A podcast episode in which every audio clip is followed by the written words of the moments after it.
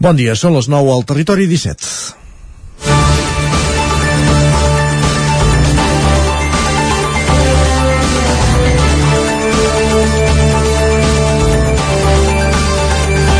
En el darrer mig any hem anat repetint notícies de tancament d'oficines bancàries i caixers automàtics. Ha passat en pobles més petits, on directament s'han quedat sense serveis bancaris, però també en nuclis de població més grans, on s'han replegat els serveis pràcticament a una sola oficina per entitat.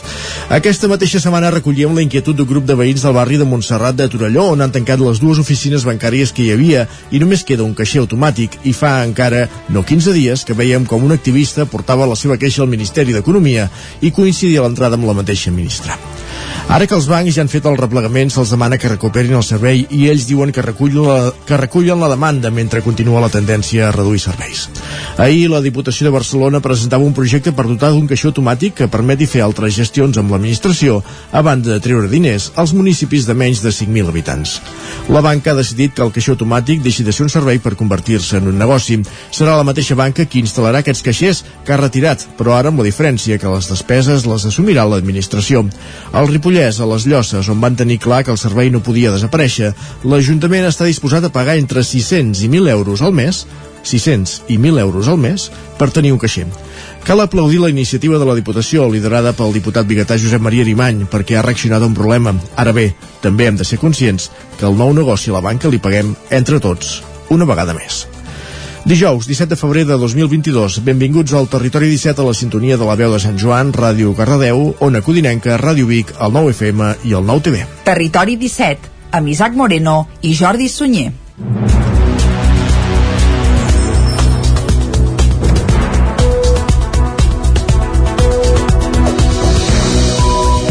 Passen dos minutets de les 9 del matí i de seguida aquí a Territori 17 el que farem és acostar-vos tota l'actualitat de les nostres comarques. Després, a partir de les 10, més informació, el temps i l'entrevista avui des del Ripollès, oi? Avui anirem a la veu de Sant Joan amb l'Isaac Muntades que parla amb Jordi Tubau de la Hivernal per conèixer els detalls d'aquesta cursa que es farà properament al Ripollès. A dos quarts d'onze arribarà el moment de les piulades amb Guillem Sánchez, tot seguit la taula de redacció i avui, després, anirem en directe cap a la Fira de l'Energia i la Construcció Sostenible. Avui no anirem a la plaça, anirem a la Fira. Exacte. Exacte. I des d'allà coneixerem algunes de les novetats o algunes de les tendències que es presenten en aquesta edició de la Fira, com deies, de l'Energia i la Construcció Sostenible. Parlarem amb expositors per conèixer l'últim crit en, en aquesta matèria, però també estarem al cas de la inauguració que es fa a partir de dos quarts d'onze, just després de, de signar un altre protocol, el del projecte Prima. Vindrà la consellera Jordà a signar aquest protocol també amb els ajuntaments de Vic i Urp i la Universitat de Vic per establir un centre, un banc de proves, per entendre'ns, a l'Institut de l'Energia de Catalunya a, a la localitat de Gurb, a Osona. Doncs això tot plegat ho seguirem en directe aquí a Territori 17. A les 11 tornarem a actualitzar butlletí informatiu Ràdio i després qui ens visitarà avui serà en Jordi Soler. A l'Alegria Interior, ja ho sabeu, l'espai de neurolingüisme, l'espai de PNL cada setmana amb Jordi, cada 15 dies amb Jordi Soler, avui toca, doncs continuarem amb les seves sessions. I avui acabarem, com que és dijous, amb cinema i suposo que apareixerà un nom propi del qual avui tothom en parla, eh? Carla Simón. Carla Simón, correcte. Osdor Leverni Linale amb la seva darrera pel·lícula, El Carràs, una pel·lícula, per cert, rodada íntegrament en català, per tant, eh, està portant el català arreu de d'Europa, si més no ara mateix, i Joan Garcia i Gerard, Gerard Fosses, que segurament seran, faran ressò a la secció cinematogràfica de cada setmana, que alhora també repassarà la cartellera a les nostres sales. Una cartellera on encara no hi haurà el Carràs, perquè als països catalans s'estrenarà el 29 d'abril, però n'hi haurà d'altres que la repassarem a la part final d'un programa que ara arrenca, com sempre, fent un repàs a l'actualitat de casa nostra, l'actualitat de les comarques del Ripollès, Osona, el Moianès i el Vallès Oriental. El Consorci Hospitalari de Vic i la Fundació Hospital de la Santa Creu han unificat en una sola estructura la gestió i la direcció de, dues, de les dues institucions. Ho van oficialitzar ahir en un acte a la sala de la columna de l'Ajuntament de Vic que va presidir el conseller de Salut, Josep Maria Argimon. Acompanyat de l'alcaldessa de Vic, Anna R, i de la gerent del Servei Català de la Salut de la Catalunya Central, Ima Cervós, el conseller de Salut, Josep Maria Argimon, va ser ahir a Vic per presidir l'acte d'oficialització de l'aliança estratègica entre el Consorci Hospitalari de Vic i la Fundació Hospital de la Santa Creu.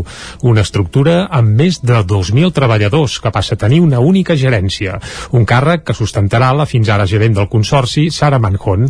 Per la ciutadania, aquest acord s'ha de traduir en una única porta d'entrada. Ho detallen i ho remarquen Antoni Moles, director del Consorci Hospitalari de Vic, i Anna R, alcaldessa de Vic. Conec bé el document, conec bé la gènesi el ciutadà quan entri no és allò de dir que soc de Santa Creu o soc del Consorci soc, o de l'hospital, soc de, del Consorci Hospitalari no?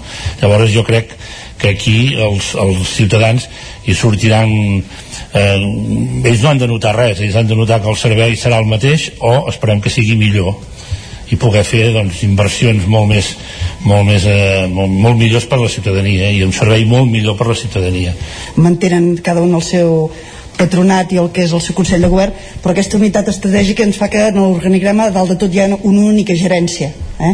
I aquesta única gerència, que en aquest és la Sara Manjón, eh, això el que provoca és que pel pacient entris amb una única porta d'entrada, eh? a la mateixa porta, i llavors ja serà doncs, eh, tota l'organització interna que serà ara com única que es podrà planificar això que dèiem, no? podrà planificar perquè el pacient o la persona entrarà doncs, com amb una única porta d'entrada i eh, s'organitzarà diguem com si fos una mateixa institució en quan es diu amb resposta sanitària. Amb aquesta aliança es materialitza la complicitat que des de fa anys hi havia entre les dues institucions.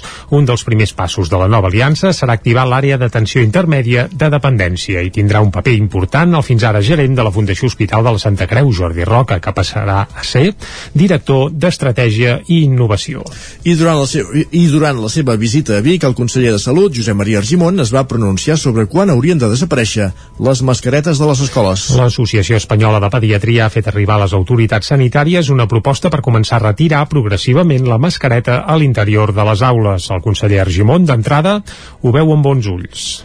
Conec bé el document, conec bé la gènesi del document i crec que és eh, força interessant i a més quadra perfectament amb el que nosaltres ja havíem comentat i sempre hem defensat, que és primer, el primer lloc on retirarem aquesta mascareta a l'interior és a l'escola, primer element, segon element sempre amb la gent més menuda perquè és la que té menys risc i amb una retirada gradual que també des d'aquest punt de vista facilitarà doncs, la retirada finalment per totes les persones ja adultes eh, en els interiors.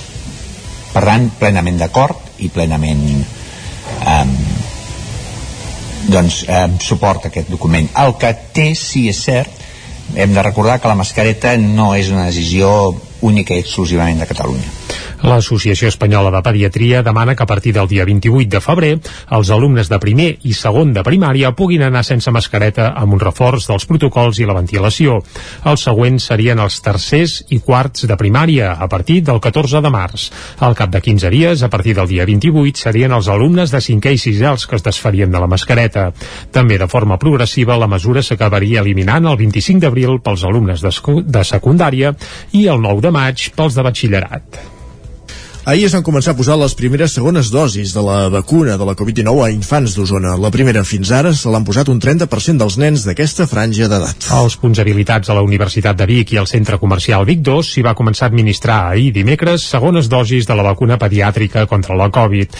Fins ara a la comarca hi ha 3.317 infants que porten la primera, el que equival a un 30% dels nens i nenes d'aquesta franja d'edat. Les famílies que no hagin iniciat el procés i vulguin fer-ho poden demanar cita prèvia a través través de la pàgina web, mentre que amb les segones dosis se segueix el mateix procediment que en els adults, és a dir, que s'avisa a través d'un missatge de text. Als infants se'ls administra el fàrmac Pfizer, però només a una tercera part de la dosi dels adults. La regió sanitària Catalunya Central recorda que els nens i nenes que tinguin el coronavirus no poden vacunar-se fins 8 setmanes després d'haver superat la malaltia. Si han estat contacte estret, però no positius, poden fer-ho tan bon punt completin la quarantena. Tot i que la sisena onada s'ha desactivat accelerat notablement a Osona i al Ripollès, amb un risc de rebrot de 1.500 i 1.300 punts i una velocitat de transmissió ara sí inferior a 1, les autoritats sanitàries continuen insistint en la necessitat de vacunar-se. A totes dues comarques ho han fet fins ara 8 de cada 10 persones. Els percentatges són especialment alts entre els sanitaris, la gent que viu en residències i els col·lectius més vulnerables. Les trucades d'emergències al 112 des del Vallès Oriental van augmentar un 5,7% el 2021 respecte a l'any anterior, el campàs des d'Ona Codinenca.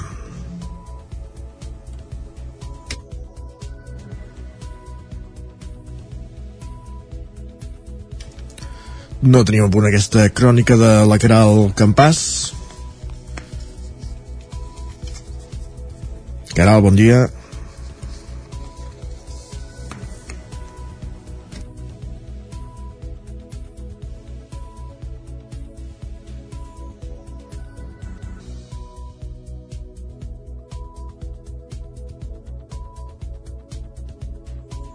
Anem més tard a una codinenca. Ara us expliquem també que la Universitat de Vic eh, és la tercera millor universitat jove de Catalunya i la 131a del món, segons el rànquing Times Higher Education.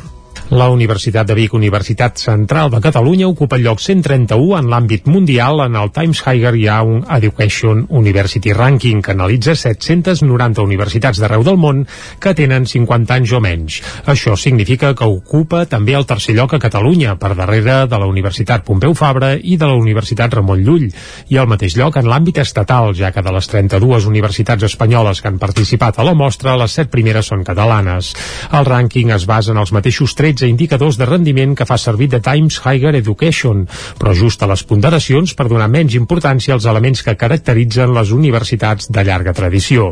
El setembre passat, la Universitat Bigatana ja va entrar per primer cop al rànquing mundial de The Work University Ranking, que elabora de Times Higher Education i va accedir a situar-se a la franja d'entre 400 i 500 d'un total de 1.662 universitats públiques i privades de 99 països diferents. Es posicionava així com a quart quarta universitat catalana i sisena de l'Estat, entre les 52 universitats presentades. Per entrar en aquest rànquing és indispensable, entre d'altres requisits, haver assolit la publicació d'almenys 150 articles indexats cada curs i haver publicat 1.000 articles en els darrers 5 anys. I ara sí, recuperem la crònica de la Caral Campàs des del Vallès Oriental. Les trucades d'emergències al 112 en aquesta comarca van augmentar un 5,7% el 2021 respecte a l'any anterior, Caral. L'any passat, 2021, des del Vallès Oriental es van fer un 5,7% més de trucades a telèfons d'emergències al 112 que el 2020.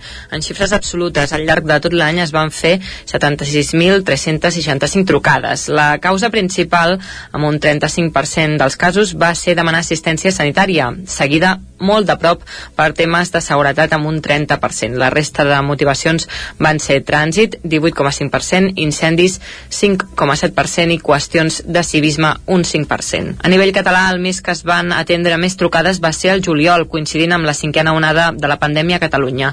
Després d'aquest mes, el que va tenir més volumetria de casos va ser el juny i en tercer lloc l'agost. Al llarg del 2021, el telèfon d'emergències va rebre més de 142.600 trucades relacionades amb la Covid-19, xifra molt inferior a la d'un any enrere, amb més de 237.600. Durant el segon any de pandèmia, les trucades per temes de seguretat van superar les d'assistència sanitària.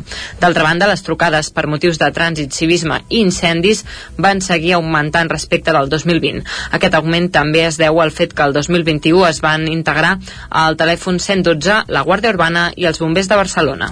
L'univers jove del Ripollès és un èxit i torna a la presencialitat amb la visita de més de 600 alumnes. Isaac Muntades des de la veu de Sant Joan. La vuitena edició de l'Univers Jove del Ripollès, que enguany recuperava la presencialitat després que l'any passat es fes telemàtic per culpa de la Covid-19, va ser un èxit total durant tot aquest dimarts al matí. La Fira Educativa del Ripollès va rebre més de 600 alumnes de quart d'ESO i de batxillerat al pavelló municipal de Ripoll, provinents de la comarca d'Osona, la Cerdanya, la Garrotxa o l'Alt Empordà. L'Univers Jove, organitzat per Joventut del Consell Comarcal i l'Associació Líder Ripollès Gès Bisaura, va comptar amb la presència de 52 estants de la majoria d'universitats catalanes i d'Andorra i de formació professional. La directora de l'Agència Catalana de Joventut, Núria Ramon, va assistir a la inauguració del certamen i va remarcar que era interessant que els joves coneguessin l'oferta formativa del territori i que apostessin per fer-hi la seva trajectòria, ja que això revertia en la comunitat. Ramon també va dir això. Resulta fonamental aquest acompanyament i assessorament no, als joves al llarg de tota la seva trajectòria educativa, especialment en els moments en què han de fer transicions no, i que de vegades hi ha incertesa, desconeixement sobre els recursos, especialment els recursos més territorialitzats, que són els que sovint doncs, passen més desapercebuts i per tant és important que hi hagi aquest treball conjunt també entre els serveis educatius i l'oferta formativa i els propis recursos de joventut on segurament els joves més s'hi adrecen no? o, o amb els quals tenen més relació. Per tant aquest treball conjunt pensem que pot revertir perquè els joves estiguin al dia de quines són les, les oportunitats que tenen a prop de casa. La consellera de Joventut, Mònica Sant Jaume, va insistir que l'univers jove permet socialitzar els joves i buscar quin ha de ser el seu futur acadèmic i laboral. A més, va subratllar que des de fa 8 anys ja no cal anar gaire lluny per trobar desenvolupar-lo. L'oferta que se'ns brinda ara a nivell de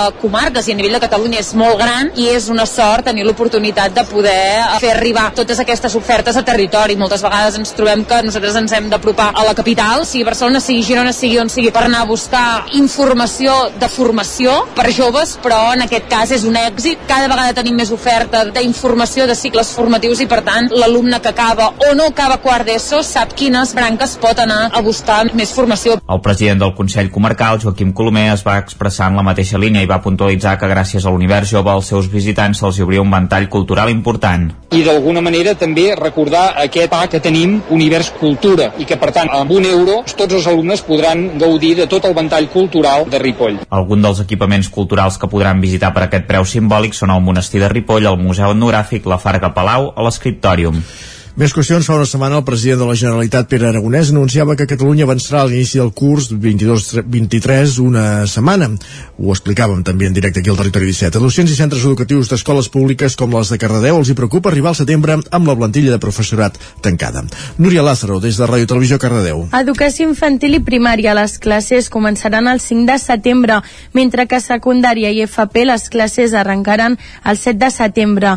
La notícia va agafar molts centres educatius per per sorpresa. A Cardedeu, per exemple, rebien la notícia 30 minuts abans que aparegués en roda de premsa. Imma Fortuny, directora del CEIP Milenari. Ens vam quedar com estabornits, què passa, no? Per què fan això? Um, amb quines condicions? Uh, bueno, i després, clar, vas madurant i et van sorgint dubtes i dificultats, no? Que ningú s'ho esperava, ni s'ha preguntat res, ni s'havia fet cap comentari de la situació. Fons del Departament d'Educació han assegurat que les activitats estan assegurades fins a dos quarts de cinc de la tarda sense cap cost extra per a les famílies. Imma Fortuny. El comentari és que hi haurà, que es garantirà un, que, que l'estada dels alumnes fins a dos quarts de quatre eh, i puguin estar de forma amb extraescolars gratuïtes. Clar, d'això no sabem res. Nosaltres ens incorporem el dia 1 i teníem un temps per preparar. A vegades al setembre no tenim tota la plantilla. Aquest canvi de dates implica també allargar les vacances escolars de Nadal, que començaran un dia abans, el 21 de desembre. A banda, s'hi afegirà un dia extra de lliure disposició. D'aquesta forma, la reorganització del calendari escolar no suposarà un increment d'hores lectives. Arribats a aquest punt, després de repassar les notícies més destacades del territori 17 en companyia d'Isaac Montada, Jordi Sunyer, Caral Campàs i Núria Lázaro, fem un apunt meteorològic.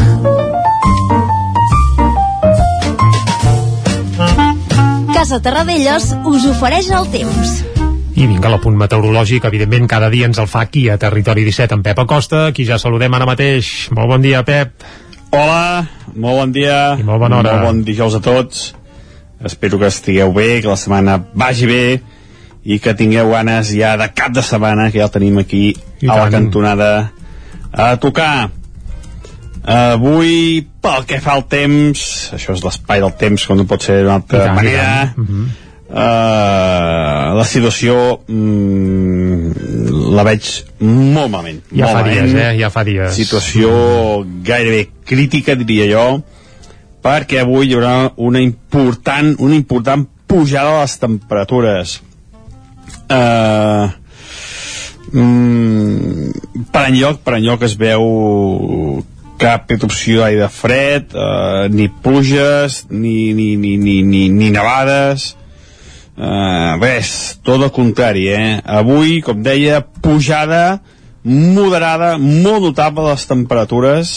Uh, ja aquesta nit s'ha notat uh, molt poques glaçades, uh, sobretot ha pujat temperatura a la muntanya, a muntanya ha pujat moltíssim, uh, hi ha valors superiors als 5 graus alta muntanya, per tant, una nit gens, gens, gens freda, mm, i és que la situació està ben, ben complicada, eh? Uh, falca anticiclònica, mm, cap pertorbació, mm, situació ja que comença a ser bastant, bastant desesperada.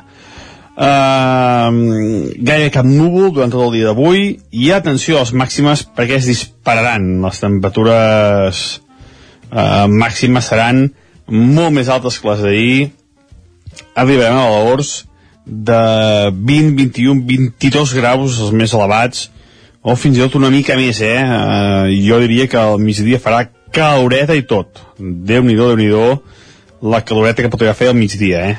per tant, com deia, la situació que va empitjorant, la situació mm, que aquesta de sequera, de, de, de, de, de, de situació de, de, de, de sense puja, que es va allargant i va empitjorant. I el que deia, eh, no, no hi ha símptomes, no hi ha...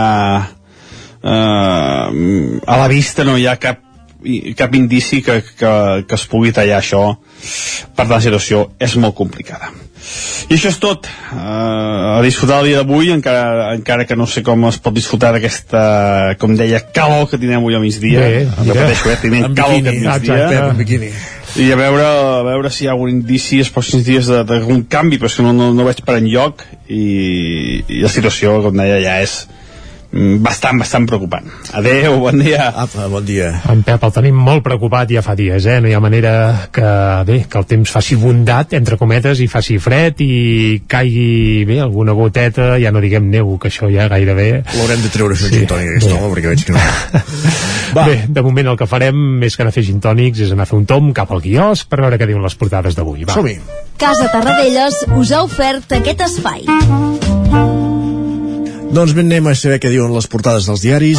Comencem com cada matí, Jordi, amb la del punt avui. I tant, que titulen Activitats no lectives, 12 milions. El punt avui titulen per aquí, parlen de l'avançament de l'inici de curs, al qual ara hi acabem de fer referència, també fa molt poc el butlletí informatiu. Recordem que el curs escolar del curs que ve, ja, és a dir, això és el setembre, començarà una setmana abans, i això al govern li costarà 12 milions d'euros.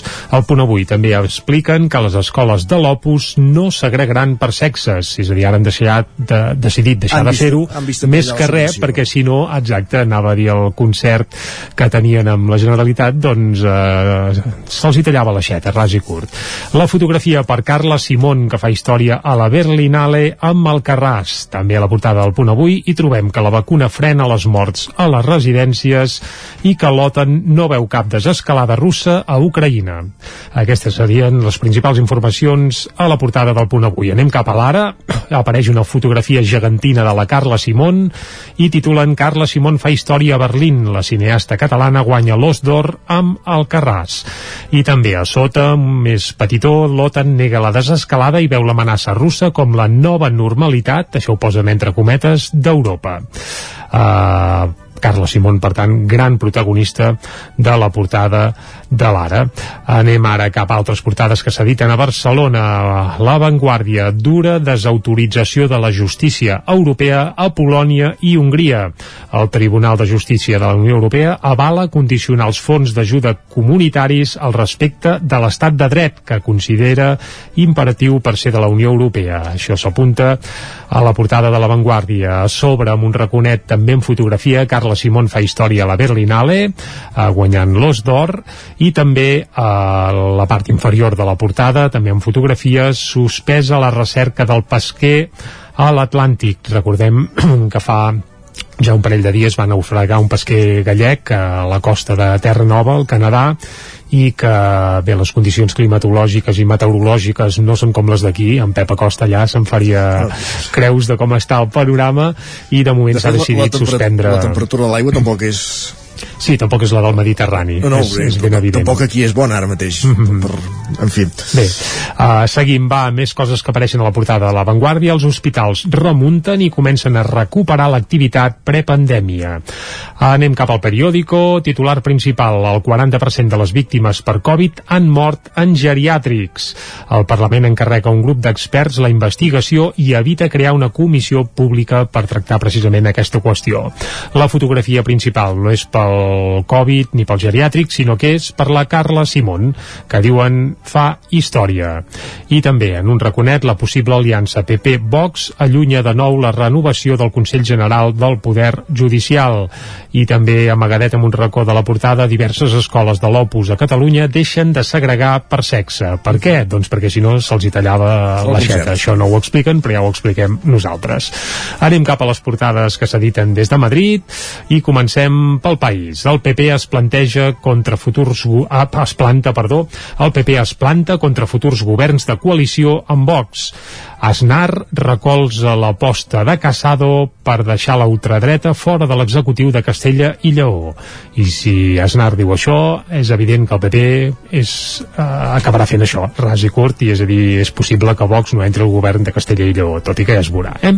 Més coses, l'OTAN desmenteix a Rússia i l'acusa de seguir acumulant tropes al costat d'Ucraïna i també trobem una entrevista amb un pescador gallec i diu només penso en les vides dels meus companys uh, recordem que s'ha suspès a la recerca de, del, pesquer. del pesquer gallec en costes mm, de Terra Nova. Més portades que sa de Madrid, anem a l'ABC. Va, la policia investiga el marit de la directora general de la Guàrdia Civil eh, aprecien un lucre injust de Juan Carlos Martínez i els seus germans i senyalen que va rebre importants ingressos de societats beneficiades per la Junta d'Andalusia. Tot això ho apunten a la portada de l'ABC.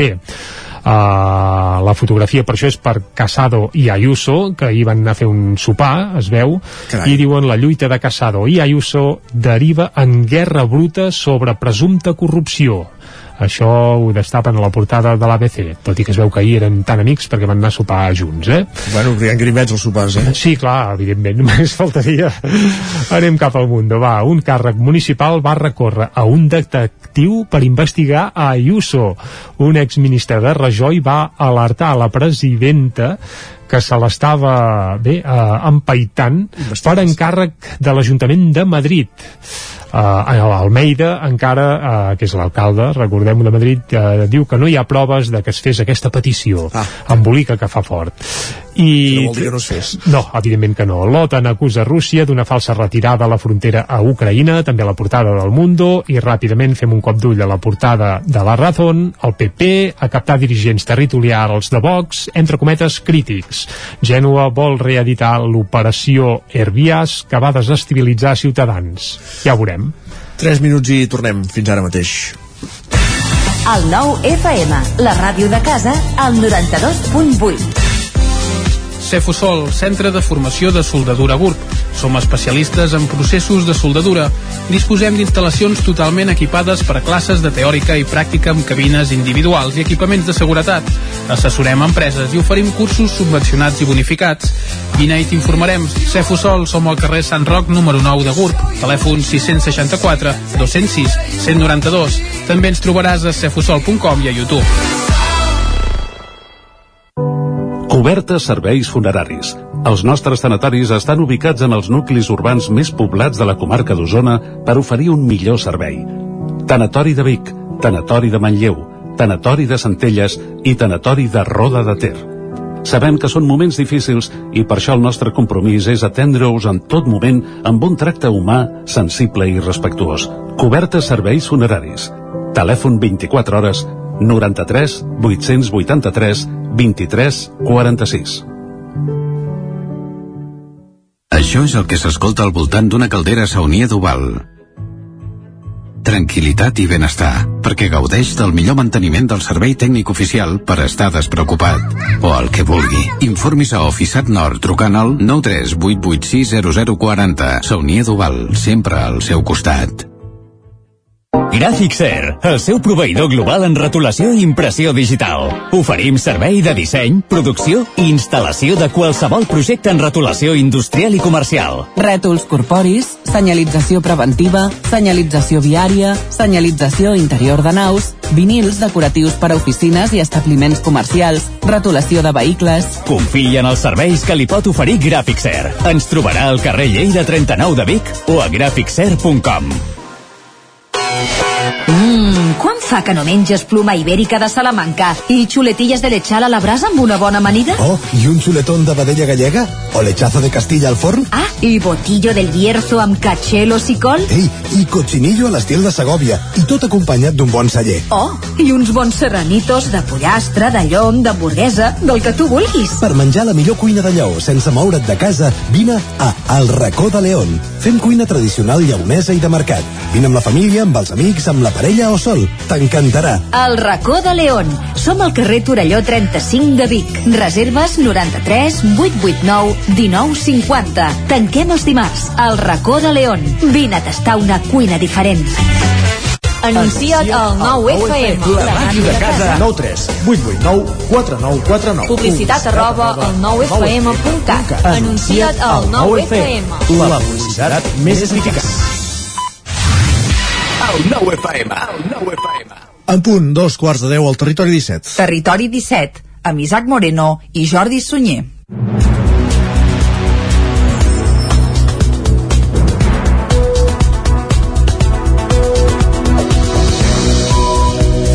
I a dos quarts de deu en punt d'avui dijous, dia 17 de febrer de 2022, el que farem de seguida és acostar-vos, com fem sempre, tota l'actualitat de les nostres comarques. Després, abans de les 10, ja us alertem i us avisem que avui tenim una perla musical Home, és, és doncs que és una joia. Doncs és una joia. He vist una... el títol i ja veig que sí. Sí, eh, un, un clàssic, però interpretat per una barreja entre un ripollès i una usonenca que és que no, no direm res més, però és que ens cau la bava. Molt bé, molt bé. Fins aquí podem llegir, per tant, escolta, fer salivera i al punt una mica abans de les 10 descobrirem quina cançó s'amaga darrere aquest embolcall que us acabem de, de presentar. A les 10 actualitzarem butlletí informatiu i tot seguit arribarà l'entrevista. I avui anirem fins a la veu de Sant Joan, al Ripollès, perquè l'Isaac Montades conversi amb Jordi Tubau de la cursa La Hivernal. Coneixerem tots els detalls i els preparatius de, de la cursa. Una cursa que es fa a Camp de Bànol.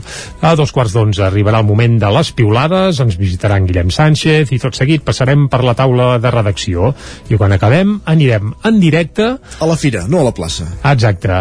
Què ens hi trobarem? A quina fira anem, Isaac? Doncs anirem a la Fira de l'Energia i la Construcció Sostenible, que des d'avui fins dissabte es fa al recinte firal al Sucre de Vic, a conèixer les noves tendències, això, en construcció sostenible, en materials, eh, i també, evidentment, amb autoconsum energètic, o fins i tot en, bio, en bioenergia. Moltes qüestions molt eh, abordant aquesta mostra, que com dèiem dura 3 dies, que comença avui a Vic, amb 50 expositors i una amalgama llarguíssima de ponències. Doncs vinga, ho seguirem i ho viurem en directe aquí a Territori 17, un xic abans de les 11.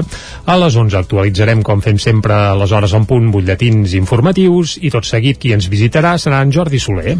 Com cada setmana, una sessió més de PNL i a l'Espai Alegria Interior. I per acabar, som dijous, per tant vol dir que anirem al cinema. Amb en Joan Garcia i en Gerard Foses per conèixer l'actualitat cinematogràfica de, i també la cartellera per als propers dies a les sales del Territori 17. Una actualitat que avui té un nom propi, ja ho hem repassat abans a les portades, eh? Carla Simón. El lleó d'or a la Berlinale. Vinga, i ara el que toca és acostar-vos, com fem sempre, a l'actualitat de casa nostra, l'actualitat de les comarques del Ripollès, Osona, el Moianès i el Vallès Oriental.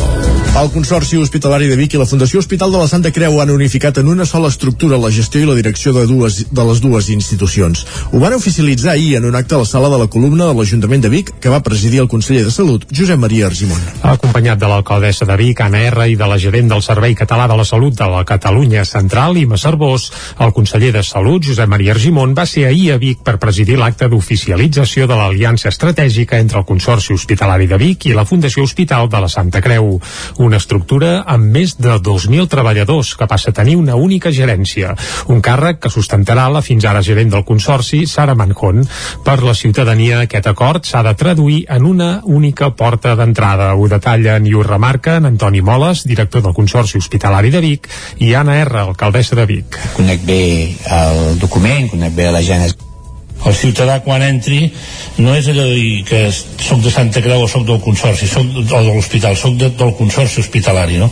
llavors jo crec que aquí els, els ciutadans hi sortiran eh, ells no han de notar res ells han de notar que el servei serà el mateix o esperem que sigui millor i poder fer doncs, inversions molt més, molt, més eh, molt, molt millors per la ciutadania i un servei molt millor per la ciutadania mantenen cada un el seu patronat i el que és el seu Consell de Govern, però aquesta unitat estratègica ens fa que en l'organigrama dalt de tot hi ha una única gerència. Eh? I aquesta única gerència, que en aquest és la Sara Manjón, eh, això el que provoca és que pel pacient entris amb una única porta d'entrada, eh? la mateixa porta, i llavors ja serà doncs, eh, tota l'organització interna que serà ara com única que es podrà planificar això que dèiem, no? podrà planificar-se perquè el pacient o la persona entrarà doncs, com amb una única porta d'entrada i eh, s'organitzarà diguem com si fos una mateixa institució quan es diu amb resposta sanitària. Amb aquesta aliança es materialitza la complicitat que des de fa anys hi havia entre les dues institucions. Un dels primers passos de la nova aliança serà activar l'àrea d'atenció intermèdia de dependència i tindrà un paper important el fins ara gerent de la Fundació Hospital de la Santa Creu, Jordi Roca, que passarà a ser director d'Estratègia i Innovació. I durant, la seva, I durant la seva visita a Vic, el conseller de Salut, Josep Maria Argimon, es va pronunciar sobre quan haurien de desaparèixer les mascaretes de les escoles. L'Associació Espanyola de Pediatria ha fet arribar a les autoritats sanitàries una proposta per començar a retirar progressivament la mascareta a l'interior de les aules. El conseller Argimon, d'entrada, ho veu amb bons ulls conec bé el document, conec bé la gènesi del document i crec que és eh, força interessant i a més quadra perfectament amb el que nosaltres ja havíem comentat i sempre hem defensat, que és primer, el primer lloc on retirarem aquesta mascareta a l'interior és a l'escola, primer element, segon element sempre amb la gent més menuda, perquè és la que té menys risc, i amb una retirada gradual que també, des d'aquest punt de vista, facilitarà doncs, la retirada finalment per totes les persones ja adultes eh, en els interiors. Per tant, plenament d'acord i plenament eh, doncs, eh, suport aquest document. El que té, sí és cert, hem de recordar que la mascareta no és una decisió única i exclusivament de Catalunya. L'Associació Espanyola de Pediatria demana que a partir del dia 28 de febrer els alumnes de primer i segon de primària puguin anar sense mascareta amb un reforç dels protocols i la ventilació. Els següents serien els tercers i quarts de primària a partir del 14 de març. Al cap de 15 dies, a partir del dia 28, serien els alumnes de 5è i 6è els que es desfarien de la mascareta. També de forma progressiva la mesura s'acabaria eliminant el 25 d'abril pels alumnes de, de secundària i el 9 de maig pels de batxillerat. Ahir es van començar a posar les primeres segones dosis de la vacuna de la Covid-19 a infants d'Osona. La primera fins ara se l'han posat un 30% dels nens d'aquesta franja d'edat. Els punts habilitats a la Universitat de Vic i al Centre Comercial Vic 2 s'hi va començar a administrar ahir dimecres segones dosis de la vacuna pediàtrica contra la Covid.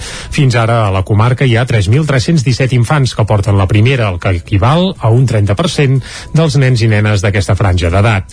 Les famílies que no hagin iniciat el procés i vulguin fer-ho poden demanar cita prèvia a través través de la pàgina web, mentre que amb les segones dosis se segueix el mateix procediment que en els adults, és a dir, que s'avisa a través d'un missatge de text. Als infants se'ls administra el fàrmac Pfizer, però només a una tercera part de la dosi dels adults. La regió sanitària Catalunya Central recorda que els nens i nenes que tinguin el coronavirus no poden vacunar-se fins 8 setmanes després d'haver superat la malaltia. Si han estat contacte estret, però no positius, poden fer-ho tan bon punt completin la quarantena. Tot i que la sisena onada s'ha desaccelerat accelerat notablement a Osona i al Ripollès, amb un risc de rebrot de 1.500 i 1.300 punts i una velocitat de transmissió ara sí inferior a 1, les autoritats sanitàries continuen insistint en la necessitat de vacunar-se. A totes dues comarques ho han fet fins ara 8 de cada 10 persones. Els percentatges són especialment alts entre els sanitaris, la gent que viu en residències i els col·lectius més vulnerables. Les trucades d'emergències al 112 des del Vallès Oriental van augmentar un 5,7% el 2021 respecte a l'any anterior, que era el campàs des d'Ona Codinenca. No tenim a punt aquesta crònica de la Caral Campàs, Anem més tard a una codinenca. Ara us expliquem també que la Universitat de Vic eh, és la tercera millor universitat jove de Catalunya i la 131a del món, segons el rànquing Times Higher Education. La Universitat de Vic, Universitat Central de Catalunya, ocupa el lloc 131 en l'àmbit mundial. En el Times Higher un Education University Ranking que analitza 790 universitats d'arreu del món que tenen 50 anys o menys. Això significa que ocupa també el tercer lloc a Catalunya, per darrere de la Universitat Pompeu Fabra i de la Universitat Ramon Llull, i al mateix lloc en l'àmbit estatal, ja que de les 32 universitats espanyoles que han participat a la mostra, les set primeres són catalanes. El rànquing es basa en els mateixos 13 indicadors de rendiment que fa servir The Times Higher Education, però ajusta les ponderacions per donar menys importància als elements que caracteritzen les universitats de llarga tradició. Al setembre passat, la Universitat Bigatana ja va entrar per primer cop al rànquing mundial de The Work University Ranking, que elabora The Times Higher Education i va accedir a situar-se a la franja d'entre 400 i 500 d'un total de 1.662 universitats públiques i privades de 99 països diferents. Es posicionava així com a quart quarta universitat catalana i sisena de l'Estat, entre les 52 universitats presentades.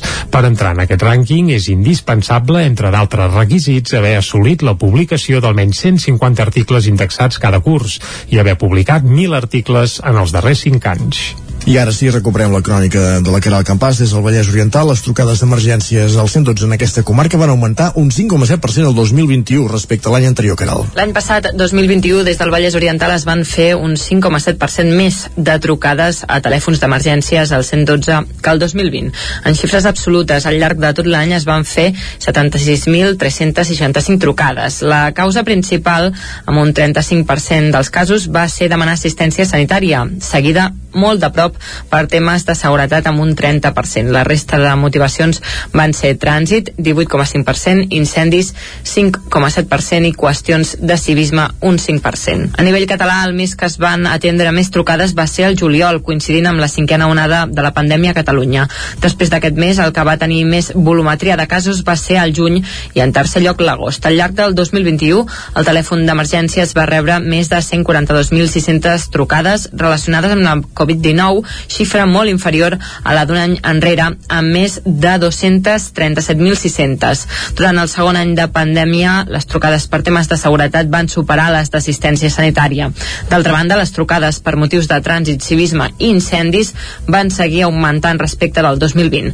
Aquest augment també es deu al fet que el 2021 es van integrar al telèfon 112, la Guàrdia Urbana i els bombers de Barcelona.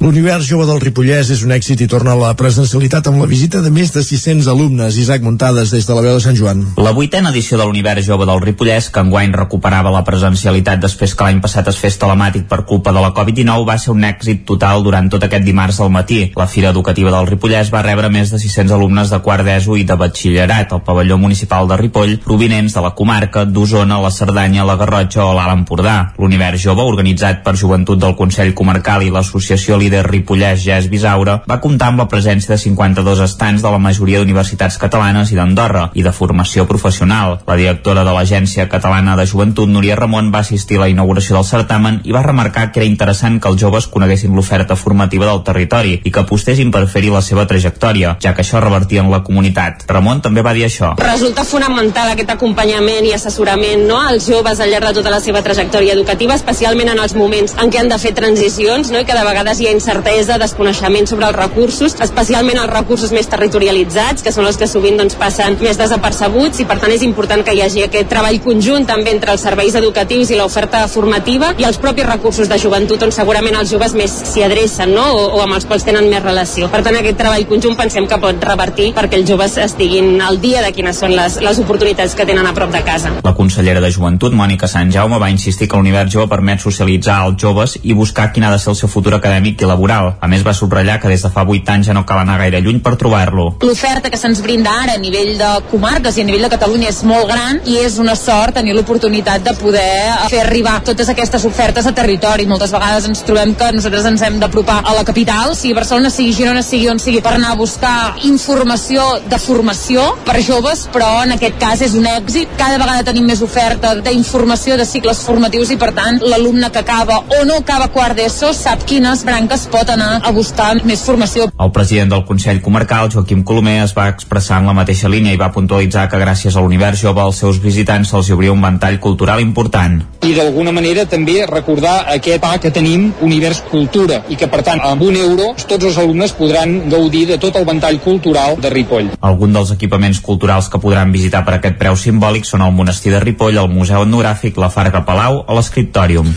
Més qüestions. Fa una setmana el president de la Generalitat, Pere Aragonès, anunciava que Catalunya avançarà a l'inici del curs 22-23 una setmana. Ho explicàvem també en directe aquí al Territori 17. A docents i centres educatius d'escoles públiques com les de Cardedeu els hi preocupa arribar al setembre amb la plantilla de professorat tancada. Núria Lázaro, des de Ràdio Televisió Cardedeu. Educació infantil i primària. Les classes començaran el 5 de setembre, mentre que secundària i FP les classes arrencaran el 7 de setembre. La notícia va agafar molts centres educatius per per sorpresa. A Cardedeu, per exemple, rebien la notícia 30 minuts abans que aparegués en roda de premsa. Imma Fortuny, directora del CEIP Milenari. Ens vam quedar com estabornits, què passa, no? Per què fan això? Um, amb quines condicions? Uh, bueno, i després, clar, vas madurant i et van sorgint dubtes i dificultats, no? Que ningú s'ho esperava, ni s'ha preguntat res, ni s'havia fet cap comentari de la situació. Fons del Departament d'Educació han assegurat que les activitats estan assegurades fins a dos quarts de cinc de la tarda sense cap cost extra per a les famílies. Imma Fortuny. El comentari és que hi haurà, que es garantirà un, que, que l'estada dels alumnes fins a dos quarts de quatre eh, hi puguin estar de forma amb extraescolars gratuïtes. Clar, d'això no sabem res. Nosaltres ens incorporem el dia 1 i teníem un temps per preparar. A vegades al setembre no tenim tota la plantilla. Aquest canvi de dates implica també allargar les vacances escolars de Nadal, que començaran un dia abans, el 21 de desembre. A banda, s'hi afegirà un dia extra de lliure disposició. D'aquesta forma, la reorganització del calendari escolar no suposarà un increment d'hores lectives. Arribats a aquest punt, després de repassar les notícies més destacades del territori 17 en companyia d'Isaac Montades, Jordi Sunyer, Caral Campàs i Núria Lázaro, fem un apunt meteorològic.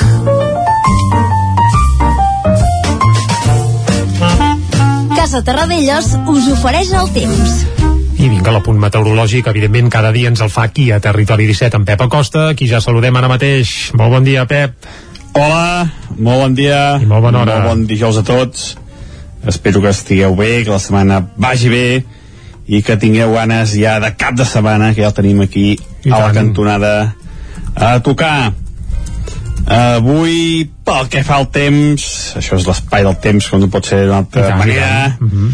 uh, la situació mm, la veig molt malament. Ja molt fa dies, malament. eh? Ja fa dies. Situació gairebé crítica, diria jo, perquè avui hi haurà una important, una important pujada de les temperatures.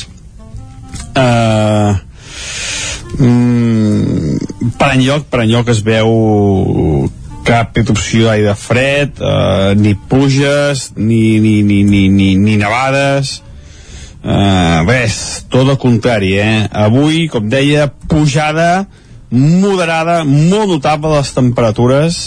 Uh, ja aquesta nit s'ha notat uh, molt poques glaçades, uh, sobretot ha pujat temperatura a la muntanya, a muntanya ha pujat moltíssim, uh, hi ha valors superiors als 5 graus alta muntanya, per tant, una nit gens, gens, gens freda, mm, i és que la situació està ben, ben complicada, eh? Uh, falca anticiclònica, mm, cap pertorbació, mm, situació ja que comença a ser bastant, bastant desesperada.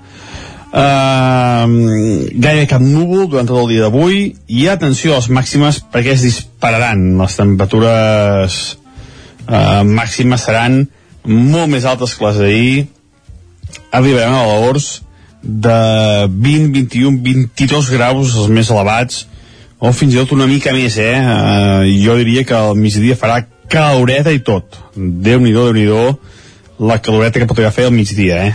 per tant, com deia, la situació que va empitjorant la situació mm, que aquesta sequera de, de, de, de, de, de situació de, de, de, de sense puja que es va allargant i va empitjorant i mm, el que deia, eh, no, no hi ha símptomes no hi ha eh, a la vista no hi ha cap cap indici que, que, que es pugui tallar això per la situació és molt complicada i això és tot uh, a disfrutar el dia d'avui encara, encara que no sé com es pot disfrutar d'aquesta com deia calor que tindrem avui al migdia Bé, Em mira. repeteixo, eh, tindrem Amb calor biquini, aquest migdia exacte, amb biquini.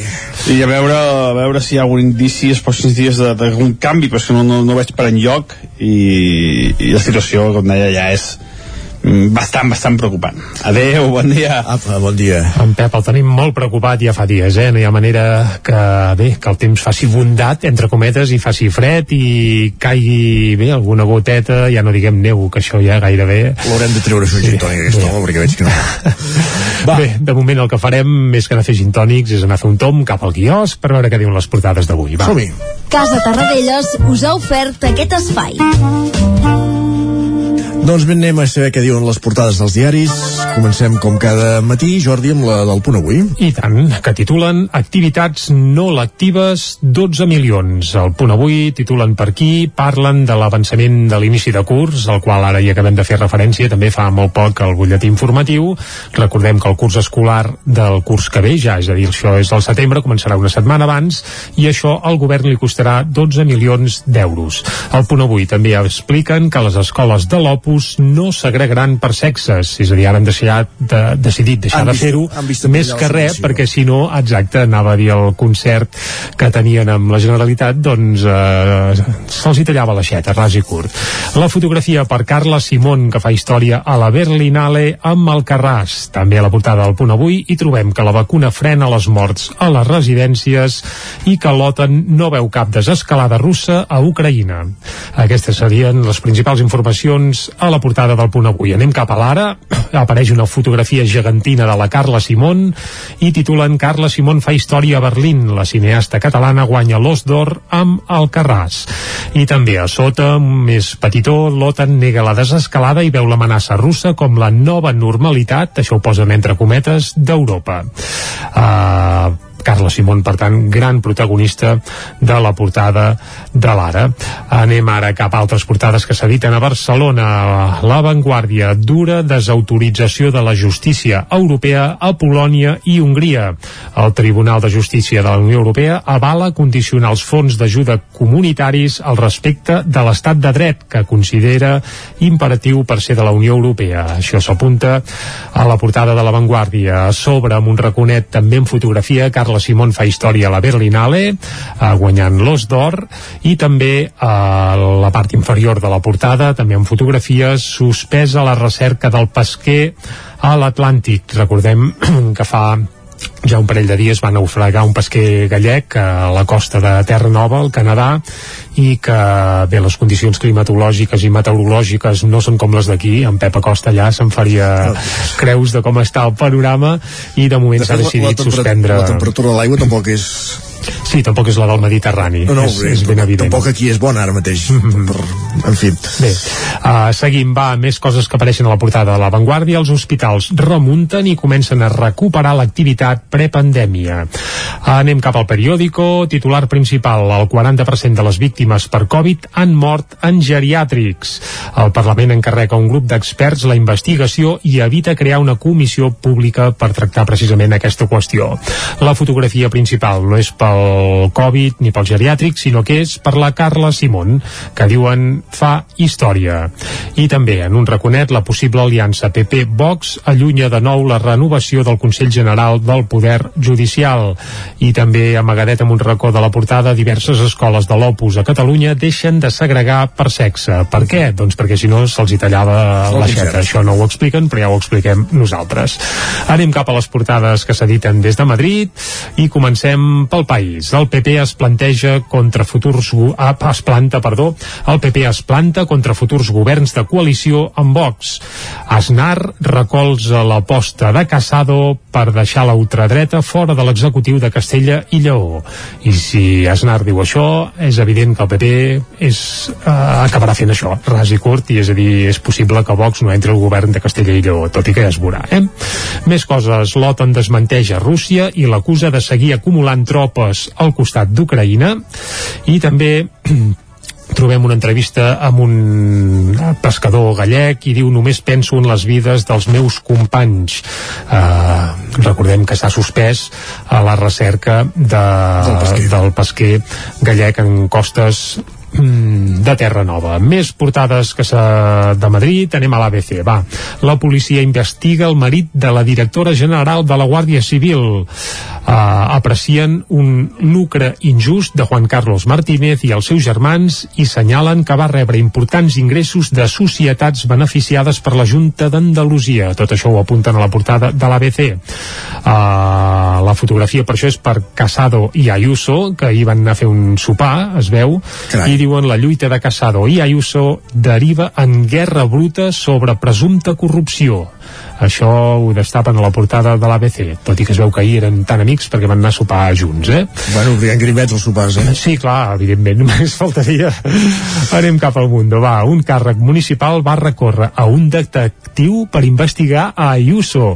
Un exministre de Rajoy va alertar a la presidenta que se l'estava bé, eh, empaitant per encàrrec de l'Ajuntament de Madrid. Eh, a l'Almeida encara, eh, que és l'alcalde recordem de Madrid, eh, diu que no hi ha proves de que es fes aquesta petició ah. embolica que fa fort i... No vol dir que no es fes. No, evidentment que no. L'OTAN acusa Rússia d'una falsa retirada a la frontera a Ucraïna, també a la portada del Mundo, i ràpidament fem un cop d'ull a la portada de la Razón, el PP, a captar dirigents territorials de Vox, entre cometes crítics. Gènova vol reeditar l'operació Herbias que va desestabilitzar Ciutadans. Ja ho veurem. Sí, ja ho veurem, però bé, és evident que els hi va funcionar bé perquè Ciutadans, qui els ha vist i qui els veu, doncs bé, l'operació amb Vox, ja veurem si també els hi, els hi surt bé, però en el fons la gran majoria de gent que hi ha ara mateix a Vox, doncs precisament van sortir del PP. Bé, deixem, tanquem aquí el tema portades, tanquem aquí el quiosc i anem ara al tema musical. Cada dia abans d'arribar al punt de les 10 us obsequiem amb alguna cançó per posar-hi una mica de caliu aquí a Territori 17 i avui ja us hem avançat abans que us portem una petita perla. Què escoltarem? Doncs escoltarem l'abril del 74 de Lluís Llach, però no escoltarem la versió de Lluís Llach, escoltarem una versió feta a tàndem entre un músic ripollès i una música usonenca. Es tracta d'una gravació feta pel Sergi Carbonell, el hippie de Charango, que eh, aquest passat mes d'estiu es va trobar amb la Gemma Homet de Centelles i junts amb una petita banda en format quartet, amb percussió, bateria i una guitarra clàssica que fa una autèntica exhibició, van gravar una versió esplèndida d'un clàssic com és Abril del 74. Per tant, arribarem fins al punt de les 10 aquí a Territori 17, escoltant aquesta versió de l'Abril del 74 amb en Sergi Carbonell de Ribes de Freser i la Gemma Homet de Centelles. Amb això arribem fins al punt de les 10 aquí a Territori 17. Fins ara. Companys, si sabeu on dorm la lluna blanca, digueu-li que la que no, que no puc anar a estimar-la si encara hi ha combat. Si coneixeu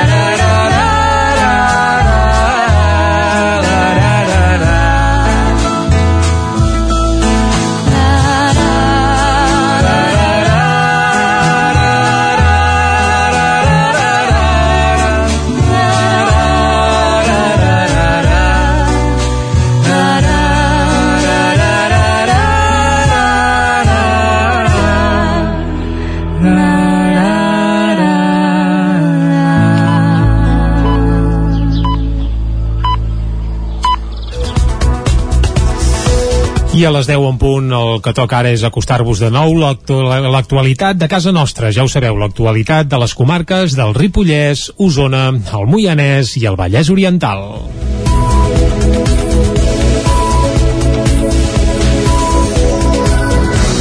I comencem a Osona. El PSC de Manlleu considera que el municipi podria ser un referent en iniciatives per pal·liar la contaminació atmosfèrica i acusa el govern d'inacció els últims anys. Ho va fer el darrer ple municipal que es va fer aquest dimarts, durant el qual la CUP també va acusar el govern d'Esquerra i Junts de no fiscalitzar la gestió del servei d'aigua que fa Akbar. L'episodi de contaminació per partícules en suspensió que s'ha viscut a Manlleu en l'inici d'aquest 2022 va aparèixer al torn de pregs i preguntes del ple municipal d'aquest dimarts. La portaveu del PSC, Marta Moreta, acusava l'equip de govern d'inacció en una problemàtica, la de la contaminació atmosfèrica, que afecta especialment al municipi des de l'any 2008. Des de l'equip de govern ho negaven. Escoltem per aquest ordre a Marta Moreta del PSC i a Maite Anglada, regidora de Medi Ambient de l'Ajuntament de Manlleu. Em sembla un escàndol que fa 14 anys que tenim aquest problema i em fa 18 que Esquerra Republicana està governant en aquest municipi.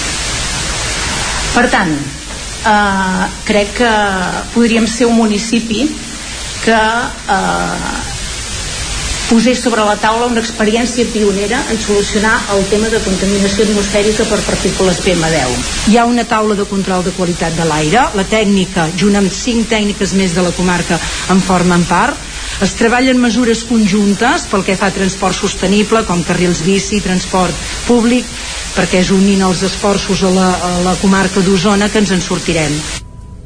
La CUP, per la seva banda, va acusar el govern de no fiscalitzar la gestió d'Agbar, la concessionària del servei d'aigua a través de Sorea, després de consultar les liquidacions que s'estan fent els últims anys del servei i l'audit- l'auditoria, volem dir, que l'Ajuntament va encarregar la Diputació.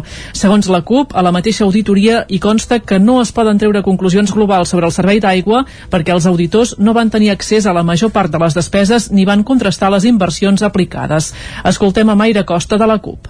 Em fa falta urgentment una auditoria molt més profunda tant tècnica com financera per comprovar que s'hagin portat a terme les inversions que estem pagant i finalment destinar el pressupost necessari per cancel el deute que tenim amb Súria. Sobretot, deixar de fallar-li a la població de Manlleu. Més clar, l'aigua. Tant la CUP com Sergi Solà, que va intervenir des del públic en nom de la plataforma Aigua Pública Manlleu, van reclamar la remunicipalització del servei d'aigua. També van coincidir en expressar el seu malestar per l'exposició sobre l'ús de l'aigua promoguda per Akbar, que hi ha instal·lada a la plaça Fra Bernadí. La Diputació de Barcelona vol recuperar els caixers automàtics en una cinquantena de municipis de menys de 5.000 habitants. Dedicarà un milió d'euros anuals al finançament i instal·lació dels caixers i convoca un concurs per a les entitats bancàries interessades. Podrien estar en funcionament de cara a l'any vinent. Moltes persones grans no se'n surten amb els mòbils i les noves tecnologies i necessiten treure diners en metàl·lic presencialment. Si viuen en pobles petits sense caixers automàtics, el problema s'agreuja. I la Diputació de Barcelona s'ha proposat ara recuperar els caixers en una seixantena de pobles que ja n'havien tingut. El diputat d'Innovació, Governs Locals i Cohesió Territorial, el biguetà Josep Arimany, va presentar ahir aquest pla i ja va avançar que les condicions del concurs que ha de fer possible la iniciativa seran exigents.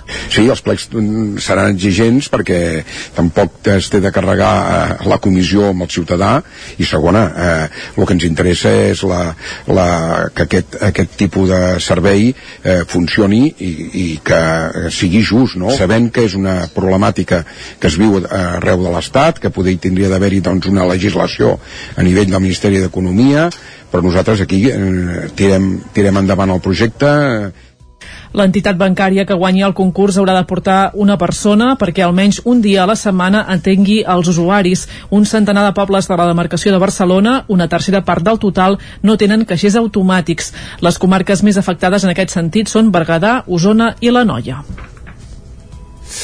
L'Ajuntament de Camp de Bànol reobrirà el carrer Puigmal al trànsit rodart en les pròximes setmanes. Ens ho explica Isaac Muntades des de la veu de Sant Joan.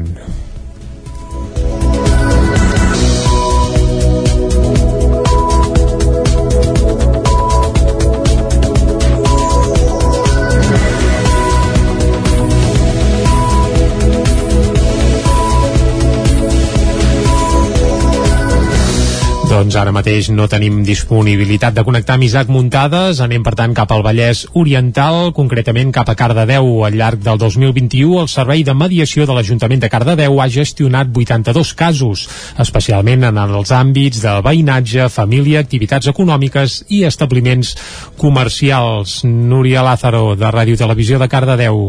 El servei de mediació de l'Ajuntament és un servei públic i gratuït obert a la ciutadania, entitats i empreses que treballa per promoure la convivència a la vila mediant en la resolució de conflictes quotidians mitjançant la comunicació assistida. Al llarg del 2021, el servei de mediació de l'Ajuntament de Cardedeu ha gestionat un total de 82 casos en àmbits com el veïnatge, la família, activitats econòmiques i conflictes escolars, entre d'altres.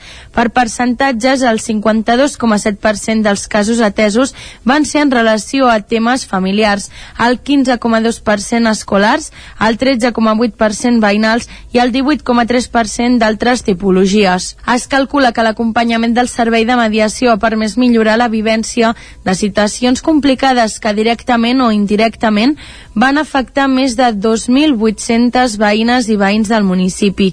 Fruit de la gestió realitzada, el servei de mediació ha estat valorat per la ciutadania amb una nota mitjana de 8,57 sobre 10, un 93,9% de les persones que ven realitzar el servei el recomanarien.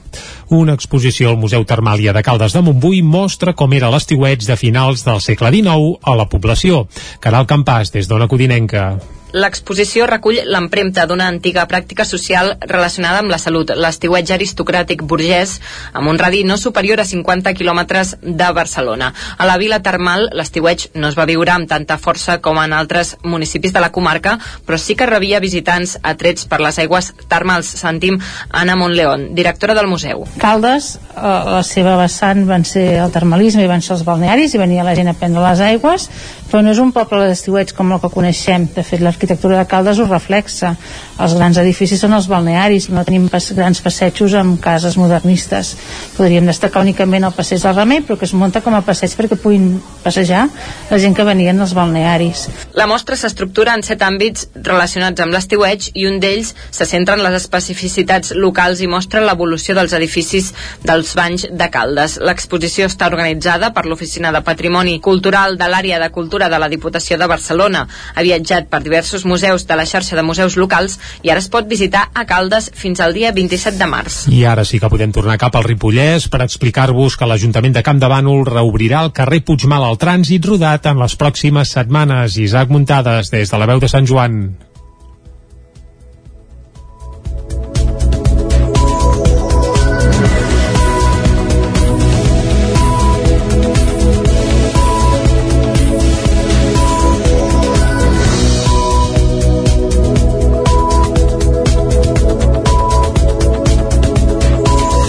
És evident que tenim problemes avui amb la connexió al Ripollès, per tant seguim endavant, tornarem a Osona per explicar-vos que els usonencs Cicuta triomfen amb el seu primer espectacle per a públic familiar. És un espectacle pensat per alumnes de cicle mitjà i superior i l'obra es titula Joana i el Sud i de moment ja ha voltat per sessions escolars i teatres d'arreu de la península i ho continua fent. Just del confinament, els productors audiovisuals usonencs Adrià Aparicio i David Font van posar-se a treballar en la creació d'un espectacle per a públic familiar. D'aquells dies de tancament obligat en va sortir Joana i el Sud, un innovador espectacle que ja suma mig centenar de representacions. Aquests dies, en versió en castellà, es presenta el Feten de Gijón, la trobada professional més important a tot l'estat d'aquest àmbit. Pensat per alumnes de cicle mitjà i superior, Joana i el Sud porta un any voltant en sessions escolars i teatres i ho continua fent. A Osona podrà veure el 3 de maig a Centelles. Font i Aparicio no s'esperaven l'èxit de la proposta, però un cop constatada la bona acollida, ja han posat en marxa la maquinària per una segona creació que es titula Meta i que ja van estrenar fa uns dies a Sant Feliu de Llobregat. Aquest nou espectacle té com a tema central el dels migrants al Mediterrani i està pensat per un públic més gran que l'anterior. La trajectòria d'Adrià Aparicio i David Font va començar a Folgueroles intervenint en el Festival Flors del Desvari de la Festa Verdaguer. L'any 2019 van guanyar un dels Premis Barcelona Producció i van poder presentar els muntatges Ara les imatges brotaran com flors o Jennifer in Paradise, que també es va poder veure a Vic. El trencament amb el món va viure el trencament volem dir que el món va viure ara fa dos anys amb la pandèmia però els ha portat per un camí que no s'esperaven.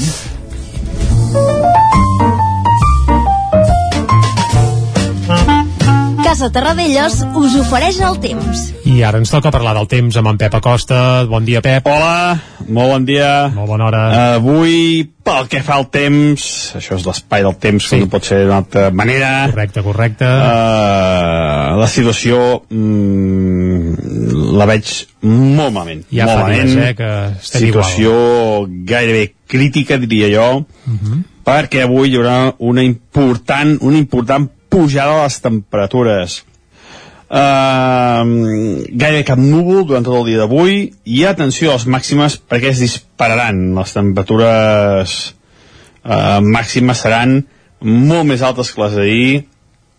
Arribarem a valors de 20, 21, 22 graus els més elevats. Uh -huh. o fins i tot una mica més eh? Uh, jo diria que al migdia farà caloreta i tot. Déu-n'hi-do, déu nhi déu la caloreta que pot arribar a fer al migdia eh? per tant, com deia, la situació que va empitjorant, la situació mm, que aquesta sequera de, de, de, de, de, de situació de, de, de, sense puja que es va allargant i va empitjorant i mm, el que deia, eh, no, no hi ha símptomes no hi ha eh, a la vista no hi ha cap cap indici que, que, que es pugui tallar això per tant la situació és molt complicada. I això és tot. Uh, a disfrutar el dia d'avui encara, encara que no sé com es pot disfrutar d'aquesta com deia calor que tindrem avui al migdia. Bonança, repeteixo, eh, bonança. tenim calor aquest migdia. I a veure, a veure si hi ha algun indici els pròxims dies d'algun canvi però és que no, no, no veig per enlloc i, i la situació, com deia, ja és bastant, bastant preocupant. Moltes gràcies i fins demà. Vinga, ja explicarem el temps gràcies. del cap de setmana. Exacte. Adéu, bon gràcies dia. a tu, Pep, gràcies a tu, i ara sí anem a l'entrevista. Elles us ha ofert aquest espai. Isaac Muntades, bon dia. Després que l'any passat la hivernal de Can de Bànol no es pogués disputar per culpa de la Covid-19, enguany la cursa Can de Banolenca ve carregada de novetats per celebrar el seu desè aniversari. Per saber tots els secrets d'aquesta edició tan especial, avui tenim al telèfon per parlar-ne el president de l'Associació Esportiva Sant Grau, en Jordi Tubau, que ha estat al capdavant de la prova des que es va celebrar per primer cop eh, l'any 2012. Bon dia, Jordi, i moltes gràcies per atendre'ns, que sé que aquesta setmana doncs, vas molt enfeinat amb tots els preparatius de la cursa. Hola, bon dia, gràcies a vosaltres i sí, però bueno, trobar una estoneta per fer una mica de publicitat també de la cursa i parlar-ne també és agradable. Perfecte, Jordi. Uh, primer de tot, uh, la Hivernal a Can de Mànol aquest any arriba al seu desè aniversari i, com deien, doncs arriba carregada de, de novetats. No sé si ens les pots detallar una mica. Sí, bueno, bàsicament les novetats passaven per un, per un canvi de, de dia, eh, es havia fet sempre el, el diumenge, vam creure oportú de canviar-la i ficar-la el dissabte, més que res perquè també la intenció era, darrere de la cursa, doncs fer una mica de festa, no? fer una mica de concert al carrer, fer un dinar per tots els corredors. Bueno, eren coses que havíem pensat en feia molt de temps, la pandèmia ens està limitant tots aquests actes així multitudinaris i eh, no podrem fer-ho, però bueno, hem mantingut la data de, de dissabte igualment. Llavors l'altra novetat molt més gran, que bàsicament és la principal, no?, pel tema de esportiu, doncs és el canvi de distàncies. la marató tenia molt bona acceptació, eh, el que passa que logísticament ens complicava molt i requeria doncs, de molta més gent, no? La gent, pel que sigui, tots tenim una vida molt atrafegada i, i ens costa molt trobar estones per fer coses per coses amb col·laboracions, per dir alguna cosa, i costava bastant de trobar gent que, que ens pogués donar un cop de mà. Tot i això, estem super agraïts a la gent de Can Davano perquè sempre hem complert i, i n'estem molt, n'estem molt contents de tots. Però bueno, vam pensar que escurçar-la, però mantenir l'essència d'arribar dalt al cim de la Cubil, que era l'essència una mica de la cursa, també podia ser un punt atractiu, també perquè la nostra cursa, eh, el seu mes de febrer, és molt a l'inici de la temporada. Llavors també hi ha molta gent que està fent esquí de muntanya i fins que no es deixen els esquís no s'aventuren tampoc a fer llargues distàncies com una marató. Llavors vam pensar en escurçar-la, mantenir-li el punt carismàtic de la Cubil, que era l'essència bàsicament de la cursa, d'anar a trepitjar neu a 2.000 metres, i vam creure oportú d'escurçar-la. De, de, Llavors ens va quedar la distància amb 27 quilòmetres i amb, i amb 14. Bàsicament les novetats mm, serien aquestes. Mm, ara ens ho comentaves, eh? de fet pràcticament ja ens has fet uh, una mica de, de resum d'aquestes dues distàncies uh, que hi haurà, també has desvelat això, eh? que es manté la, la pujada a la Cubil. El recorregut per això, uh, el, el, el que és el traçat concret, sí que heu uh, ensenyat el perfil, però, però encara no heu desvetllat exactament per on passarà, no? És allò que ho ha de, ho ha de conèixer la gent, no? No sé si ens pots explicar també una mica els, els desnivells, eh? que són, són importants.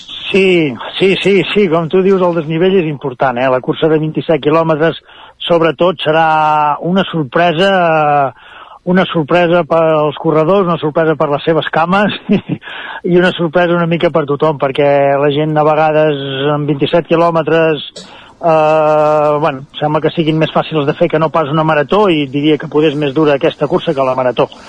Eh, llavors, perquè és un desnivell molt pronunciat amb pocs quilòmetres i tal com puja, doncs el mateix amb la baixada no? i les cames doncs se'n ressenten. Uh, hem mantingut el track en secret primer perquè sigui una mica que, que sigui una novetat per tothom, no? que hi hagi igualtat de condicions per tothom, perquè si no molta gent també doncs, quan tenen els tracks d'uns 15 dies abans ja els agrada anar a fer el recorregut, entrenar, deixar-se una mica més apamat i hi ha qui no té aquesta possibilitat i no pot fer-ho, doncs llavors aquí hi haurà igualtat de condicions per tothom. I segonament també perquè s'ha de respectar molt on creiem doncs, els propietaris i, i pel terreny allà on passem. No? Són sempre terrenys de pastures i hi ha animals eh, sueltos del, dels, dels ramaders i bueno, per no generar més, més problemes ni més polèmica no? amb, tot aquest, amb tot aquest tema llavors sí. com no, per nosaltres no serà que aquest track estigui penjat en lloc Llavors, el que és inevitable és que la gent quan hi hagi passat el dia de la cursa, ells amb aquest track el puguin penjar amb els seus perfils personals i on vulguin, a partir d'aquí ja veiem que, que no està a les nostres mans. Però almenys per part nostra no provocarem que la gent hi vagi a passar abans de la cursa. Mm -hmm. Per cert, un apunt graciós, durant la cursa que es podrà veure qui, qui és l'Eusebio, que ens ha fet molta gràcia. Xavi Guinovar, que és el que porta les xarxes, el, el va batejar així. és un cap de vaca que vam trobar allà i si passa pel costat amb el recorregut perquè el vam penjar en un arbre i se li va córrer de posar-li aquest nom. Mira, espero que ningú li sàpiga greu, si algú es diu Eusebio també. Una curiositat d'aquestes que, és, sí, sí, que és força sí. divertida. Jordi, també es farà una caminada per aquells que no vulguin córrer o, o no tinguin prou nivell doncs, per, per fer-les, perquè evidentment són curses dures i, i prefereixin gaudir també tranquil·lament de, del paisatge, no? Sí, sí, sí, sí, cada any des de, crec, si no recordo malament, serà la setena, a la setena que, el setè any que hi vam introduir la, la caminada. Bueno, és un, és un atractiu més, també pensant una mica en les famílies que venen dels corredors, no? que estan al poble que, que sempre esperen el pare o esperen la mare perquè faci la cursa i ja els hi muntem coses lúdiques, no? Al poble sempre tenim alguns tallers d'associacions que ens col·laboren, tenim també els inflables i sempre intentem muntar una mica d'ambient no? per a les famílies que es queden al poble, però també, a més a més, si els agrada una mica la muntanya i volen conèixer una mica tot l'entorn de Can Davano, doncs tenen la possibilitat de, mentre el pare o la mare corren, ells de fer la, la caminada, no? I també, doncs, per tota la gent del poble, per tota la gent que no li agrada el que sigui la competició o que no els agrada córrer, o, o que simplement no tenen ganes de córrer, volen anar a disfrutar la muntanya d'una altra manera. Doncs per ells també poden formar part de la festa de l'hivernal, no? I això se'ls munta doncs, aquesta caminada paral·lela amb les curses. Uh -huh. I cada cursa té 300 places disponibles, no sé com van les inscripcions i què espereu el dia de la cursa, perquè es completaran aquestes 100 places, tot apunta que suposo... No, no, no, no ho crec, no ho crec. Amb la, amb la distància curta hi hauria més possibilitats, amb la llarga no ho crec. Saps què passa? Quan vam començar nosaltres fa 10 anys a parlar quina data fiquem la la hivernal, quina data fiquem... que l'hivernal va venir després seguit de la, de, de la data que vam triar. Mm, hi havia, no hi havia forats per ficar les curses doncs, a partir del mes de març, abril, maig, ja ja ja n'hi havia moltes, no? Vam dir, doncs tu, siguem novedosos, fiquem-la al, al febrer, nosaltres anàvem a Font Romeu i cap allà a les termes i això, a fer curses que en deien els tralls blancs perquè eren sobre neu, vam dir, bueno, també ho podem fer nosaltres aquí a Can Davano, no? Sí. Llavors la vam ficar al mes de febrer perquè no hi, no hi havien no hi havien tantes curses com hi havien ara. Eh, I d'aquí després el, el, li va venir el, el nom de l'hivernal. Arrel de ficar-li el, el, el, va venir el nom de l'hivernal, no per la data. Va, llavors al principi era, era diguéssim, l'única prova que hi havia al febrer. Llavors, al llarg dels anys, suposo que la gent s'hi ha anat engrescant, també hi han sortit curses noves, tampoc tenien data, i resulta que aquest cap de setmana de l'hivernal hi han set proves en, en província de, de Girona i, i de Barcelona.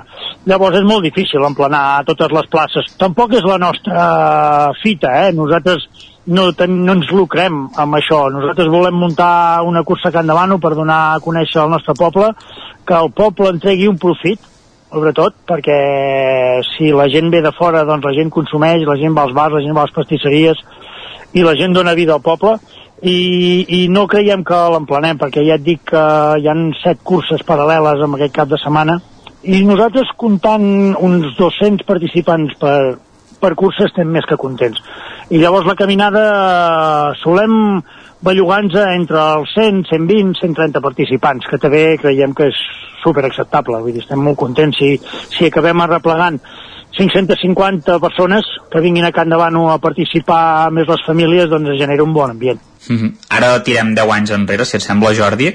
No sé quins han estat els principals canvis d'aquests anys. Uh, abans em comentaves, uh, a part del que m'has comentat, eh, del tema de, de sobretot de, del recorregut, però, per exemple, s'ha canviat el lloc de sortida, també en algun moment es va fer alguna prova a la nit, uh, Sí. una mica això.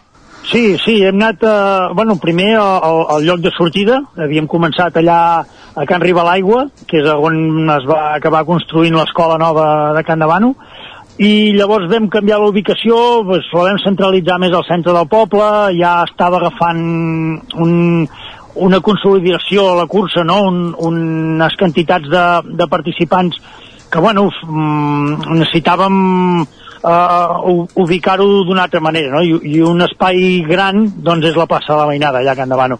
També, evidentment, és el centre del poble i, i es, fa molta, es fa molta més festa. Canvis importants, llavors hem anat modificant una mica cada any perquè no fos molt monòton eh, pues, les distàncies. Hem anat provant de fer una prova nocturna. Mm, abans fèiem la caminada el dissabte la prova nocturna el dissabte que era la cursa curta i les altres dues distàncies el diumenge bueno, hem anat, eh, hem anat provant cosetes per no ser monòtons també ens hem anat quedant al final amb el que funciona més i el que funciona més al final és fer les tres distàncies al mateix dia i de dia. Vull dir que mm, com a novetats més importants sí que llavors logísticament doncs hem crescut molt, no? Mires les imatges Sí. de, la, de les primeres edicions i bueno, era, era una cursa pues, senzilla, eh, totalment popular i poc coneguda i ara pues, ha repercutit d'una altra manera, no? És una cursa que s'ha fet un forat, que la gent la té com un referent no? aquí a la comarca i, i a fora i que s'ha consolidat dins, de, dins del calendari de molta gent. No sé si comptareu amb algun corredor d'elit de, de la comarca o de fora en guany, Jordi, que ja estigui confirmat, i, i no sé quins en destacaries dels que han vingut els últims anys, perquè n'ha vingut algun d'important, o alguna. Sí, sí, sí, sí, hem, hem tingut gent, gent de renom. Aquí, una mica el hàndicap és el que et comentava abans, no? que cau en una època que molts d'aquests corredors bons eh, que molts són de per aquí a prop, eh, competeixen amb esquí de muntanya. Llavors els hi costa molt de deixar l'esquí, anar a fer una cursa i després tornar-se a centrar amb l'esquí. I són gent que fins al mes de març o així no es posen les bambes, per dir alguna cosa. També tenim la gran sort que, que podríem considerar els agents que són de l'èlit de Catalunya són de casa, no? I gent com en Marc Arós, que ha competit mm. amb les 10 edicions i amb les 10 edicions ha estat al podi, que és molt remarcable que una persona pugui mantenir aquesta forma física durant tant de temps. I en diferents ha, distàncies, no, Jordi, més a més? En diferent, sí, correcte, en diferents distàncies. Quasi bé sempre eh, ha participat a la marató, però algun any que ell veia que no estava del tot bé o que sortia d'alguna lesió però no s'ha volgut perdre la cita amb nosaltres, doncs ha acabat corrent la mitja i inclús ha acabat corrent la curta i les ha acabat guanyant totes. No? Un, altre, un altre mm, corredor també aquí a la comarca remarcable és l'Eric Moya. L'Eric Moya també, també ha guanyat les tres distàncies.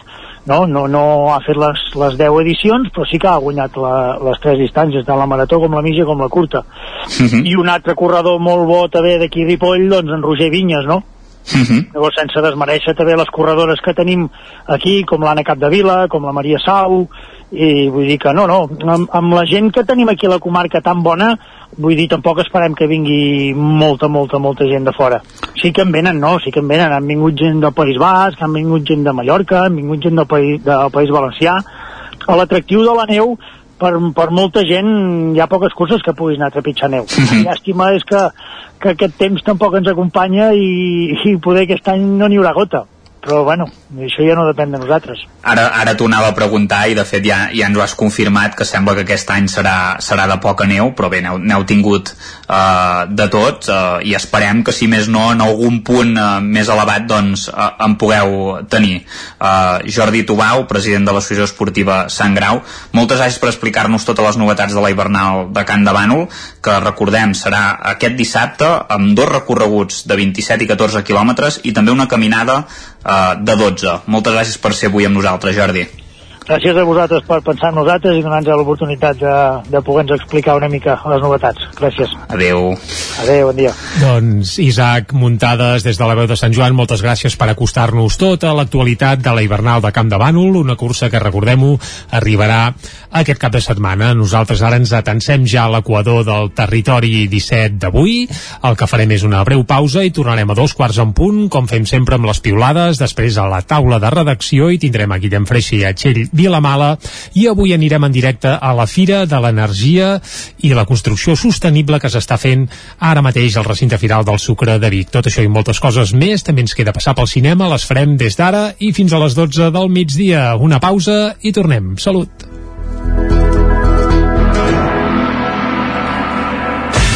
El nou FM, la ràdio de casa, al 92.8. Cobertes serveis funeraris. Els nostres tanatoris estan ubicats en els nuclis urbans més poblats de la comarca d'Osona per oferir un millor servei. Tanatori de Vic, Tanatori de Manlleu, Tanatori de Centelles i Tanatori de Roda de Ter.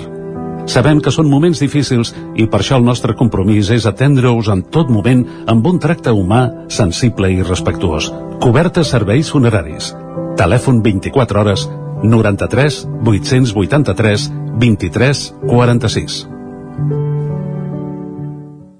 Gràfics el seu proveïdor global en rotulació i impressió digital. Oferim servei de disseny, producció i instal·lació de qualsevol projecte en rotulació industrial i comercial. Rètols corporis, senyalització preventiva, senyalització viària, senyalització interior de naus, vinils decoratius per a oficines i establiments comercials, rotulació de vehicles... Confia en els serveis que li pot oferir Gràfics Ens trobarà al carrer Lleida 39 de Vic o a gràficser.com.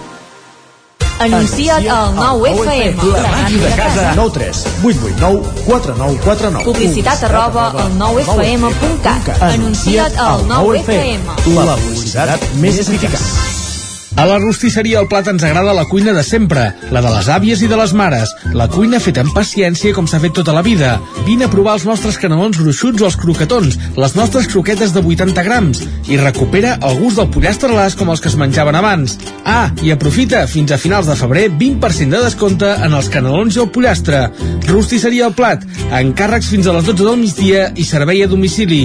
Ens trobaràs de dijous a diumenge al carrer Església número 6 de Taradell o al 93 135 58 85. Cefusol, centre de formació de soldadura GURB.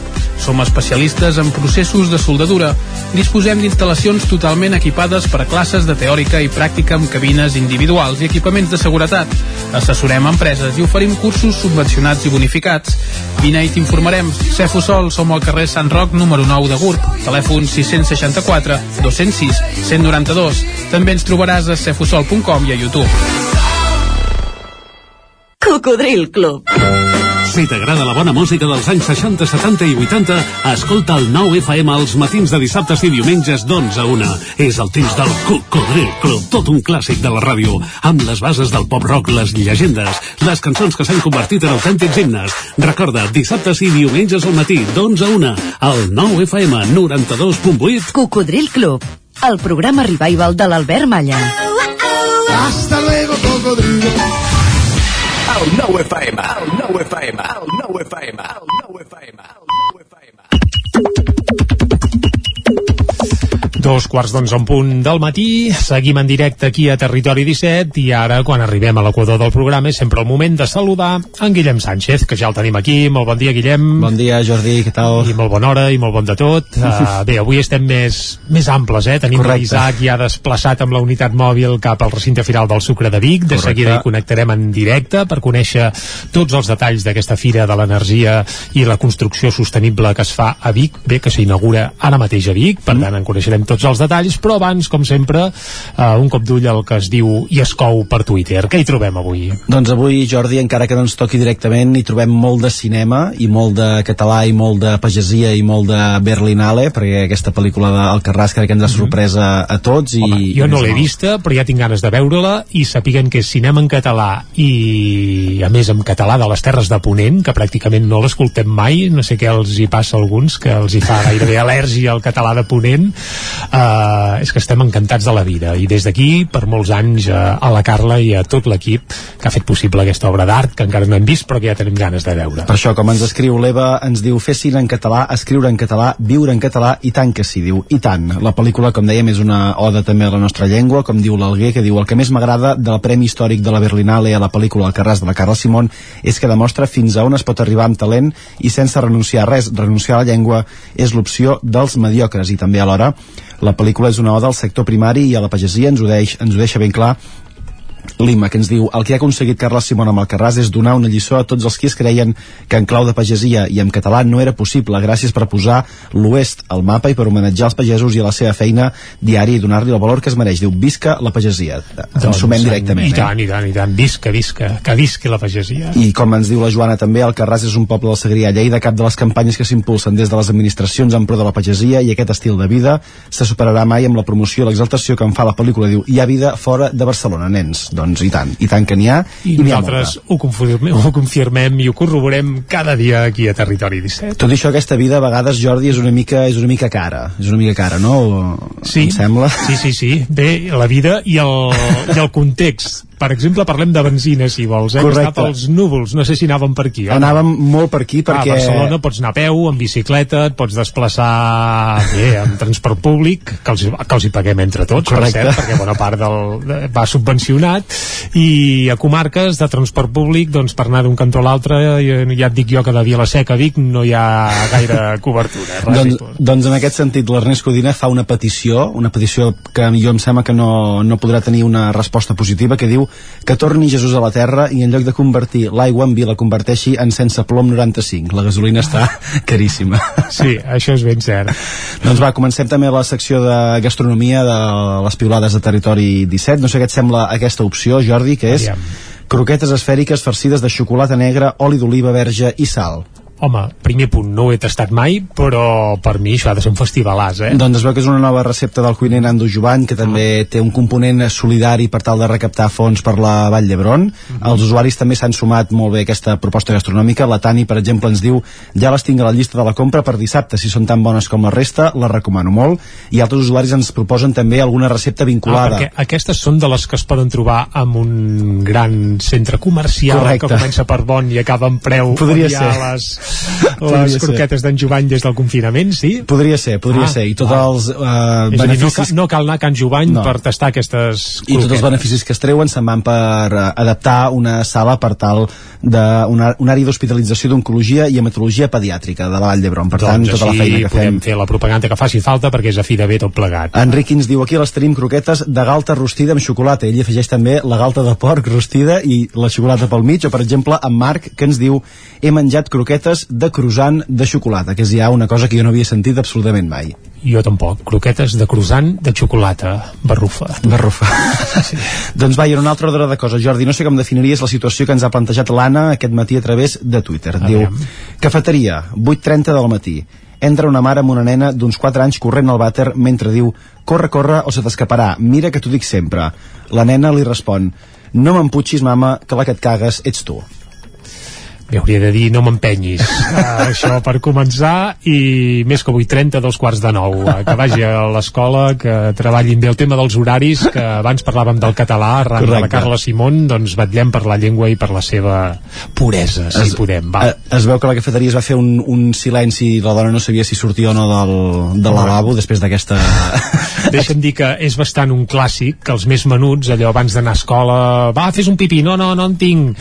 I arribes a la porta de l'escola i, I el primer que et diuen- de casa tinc pipí i tu a casa amb la- d'allò que et va ja ens entenem Vols saber com va acabar per això o sí, com ha home, acabat? i tant, i tant, com va acabar. L'Anna ens ho diu, ha acabat sortint però no sabia on mirar, diu, els nens són genials i tant, i evidentment de vegades hi ha qui fa servir l'excusa dels nens per bé, Per altres motius, entenem. per altres tant, motius. potser aquest infant el que no tenia era pixera i qui en tenia era la mama i va fer servir la criatura eh, això, per, per anar cap als lavabos de la cafeteria a dos Que no- quarts de nou del matí que no cal dissimular, si has d'anar al lavabo has d'anar al lavabo Escolta, aquestes feines eh, caga Déu i caga el papa i de cagar ningú s'escapa, ja ho diu la saviesa popular.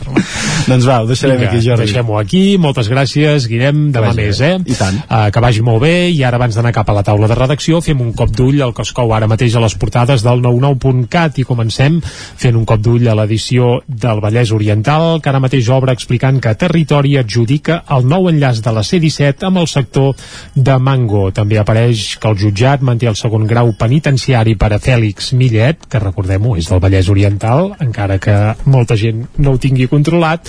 També s'hi explica que Caldes de Montbui ha de reparar un centenar de fanals afectats pels orins dels gossos. Resulta que els orins dels gossos malmeten els fanals. ja té tela això, eh? Ja Sí, té tela. déu nhi uh, I clar, i un centenar. Estem parlant de pràcticament, m'imagino, tots els fanals de Caldes, perquè, clar, un centenar són molts.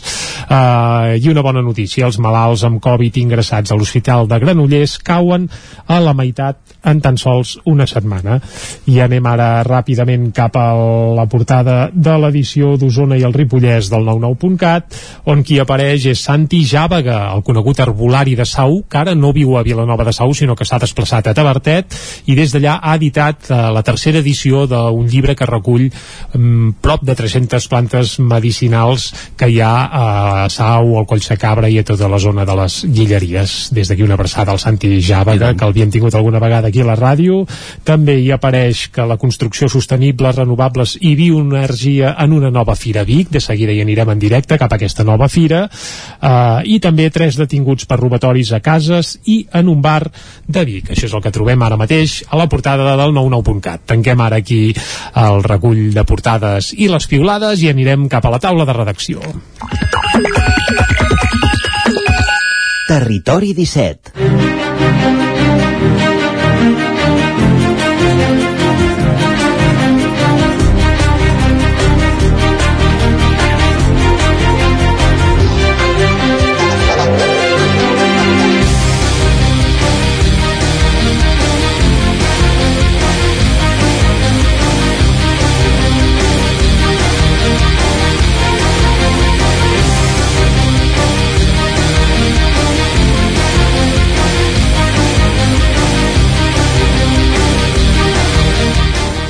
Passen ara mateix 8 minutets de dos quarts d'onze del matí, seguim en directe aquí a Territori 17 i és el moment de la taula de redacció on ara mateix ja hi podem saludar en Guillem Freixa. Guillem, molt bon dia. Bon dia. En Guillem, que és de Tona i Sí. a Tona, diguem que esteu entre cometes d'enhorabona perquè ben aviat canviarà una mica, no serà un canvi radical, però sí que canviarà una mica l'aspecte de la plaça Major. Sí. I a més, qui decidirà com quedarà la futura plaça serà el veïnat de la mateixa població, oi? Sí, eh, exacte. A, a Tona, des de fa un temps, hi ha un projecte important de reforma d'un punt clau del municipi, d'un punt molt cèntric del municipi, com és eh, la zona propera a la plaça Major, en concret, l'edifici que havia sigut eh, l'antic eh, cinema, Orient. Exacte. Un clàssic, eh? jo hi havia anat, eh, a veure cinema. Eh, et parlo de fa molts anys, Sí. eh? també és cert, eh? Doncs a, a Tona hi havia Mm. dos cinemes, uh, aquests uh, dos cinemes, uh, un d'ell era l'Orient, també hi havia el, el Racó, que estan en una cantonada de la plaça Major. Tots dos eren a la plaça Major. Exacte. Tots dos ara són locals buits, per Mhm. cert. Sí, buits i força degradats perquè Mm. fa molts anys que, que no s'hi fa activitat i en els últims anys eh, Bonpreu va adquirir aquest eh, habitatge per eh, reformular l'edifici, posar-hi eh, activitat eh, comercial i això comportava tota una reforma de l'entorn d'aquesta plaça Major més enllà de l'habitatge. I un dels punts claus d'aquesta reforma afecta eh, a la plaça Major. Hi ha un eh, conveni que per reformular aquest edifici doncs, també s'han de fer millores a la plaça Major i és el que es va presentar aquest eh, dimecres a la tarda a Tona. En concret es van posar sobre la taula les tres propostes de reforma de la plaça Major que, com bé deies, les podran votar i les podran escollir els eh, habitants de És a dir, Tona. la que s'acabi duent a terme la decidiran sí. els tonencs i Es- tonenques, eh? Es va fer un primer procés per eh, re, eh, recepcionar idees de si la gent doncs, s'imaginava una plaça amb més arbres, amb menys arbres, amb jardineres per fer de, de perímetre de, de la plaça, eh, amb quin tipus de, de terra s'havia de, de fer. Mhm. Es va fer una pluja d'idees, es van concentrar totes en, en documents tècnics, per tant, amb el, amb el vistiplau de, de la part tècnica dels tècnics municipals de l'Ajuntament de Tona, i n'han sortit això, tres propostes. Eh, Totes elles ens explicaven aquest dimecres a, la tarda eh, el fet que han de tenir una característica principal Quina i és que la, és? la plaça ha de ser diàfana. Eh, això vol dir que ha de tenir espais amples eh, per poder realitzar l'activitat que, que s'hi va fent durant l'any. És a dir, que l'aspecte actual, entre cometes, es mantindrà sí. a nivell de... Bé, que no hi haurà escales, ni grans invents, ni un I que- monument al mig, etc etc. No de serà- manera que s'hi puguin continuar fent Mhm. des de fires fins a esdeveniments festius per la festa major, concerts, etc. Eh? no serà una revolució a nivell de la reforma, sinó que es mantindrà força l'estructura i sobretot això, eh, un espai ampli per poder-hi encabir eh, el mercat, els actes de festa major, els diversos esdeveniments que s'hi van fent durant l'any, i sí que entre les tres propostes doncs, hi han diversos matisos. També comparteixen la superfície del, del terra, una superfície, diguem, ferma, que pugui suportar el pas de, de vehicles... No hi haurà sorra, eh? No hi haurà sorra, no tindrem una plaça com la, major, de la de Vic, sorra diguem, com la de o la Vic. de Manlleu. Sí, es mantindrà. Ara hi ha com un marbre que s'ha anat degradant moltíssim, doncs es, es posarà un altre, un altre material um, diguem més uh, consistent, també en alguns punts es jugarà amb petites llambordes, per tant es combinaran aquests dos uh, materials. I després els matisos entre les uh, dues o les, entre les tres Uh, propostes és això, eh? el posicionament de les uh, jardineres, els arbres i sobretot uh, un punt de la plaça on ara mateix hi ha un parc infantil doncs hi han dues propostes que mantenen aquest parc infantil I una que no. i una tercera que no, que s'aposta per fer un refugi climàtic, un espai eh, amb més frondositat de- d'arbres per a l'estiu doncs, tenir un punt eh, diguem de, de sombra eh, contundent en el, en el mig de, de la plaça. que quedaria, diguem-ne, el racó que donaria la vessant sud de la plaça, eh? Sí. Aquest indret on a la part, ara. a, la, a tocar la sortida del que es coneix com el Parc de la Font Morta, que és el, la baixada um, cap a baix aquest, aquest parc que també es va reformular fa un temps a través d'aquest conveni amb bon preu. I com dèiem, aquestes tres propostes que es portaran a votació. Quan? Uh, això començarà a partir del 20 de febrer, per tant, mm -hmm. és uh, ja, i els uh, tonencs, el que dèiem, eh, majors de 16 anys, podran emetre el seu vot a través de dos canals. Um, per una banda, la plataforma uh, Decidim Tona, que uh, ha canviat la, el seu redireccionament, uh, ara uh, la direcció ha, ha variat, però uh, a través de mitjans digitals es podrà emetre aquest vot, triar la proposta que més agradi en els tonencs i també s'establiran punts de votació presencials a l'oficina d'atenció ciutadana i segurament com han fet en altres processos participatius doncs en dies de mercat, en dies de fira en dies d'actes que es fagin al municipi doncs també podré, es podrà emetre aquest vot. Tot plegat per decidir com serà aquesta nova plaça Major de Tona. Com a tonenc, Guillem, uh, per quina opció et decantes? Uh, aviam, ara he fet una primera ullada a les uh, mm -hmm. propostes. No hi ha grans canvis, eh? No, ja hem dit no que totes tres són similars, el pressupost és pràcticament el mateix, per tant, Sí. en aquest sentit, totes són viables i totes... un, uh, sí, un pressupost bé, però... de cap a 200.000 euros ens deien que es mouria les, les xifres. Uh, jo sí que em decanto per uh, mantenir el parc infantil perquè... Uh, perquè ets papa i saps també, que se fan un bon ús, hi ha unes terrasses fantàstiques a la plaça i, i que sempre ha d'haver tenir el major nombre d'espais per als infants a, a les places i que en aquest cas doncs, queda diguem, molt ben ubicat perquè queda en un cantó de la plaça que pots separar molt bé activitats no hi ha els eh, nens al mig de- d'altres activitats sinó que queda molt ben separat.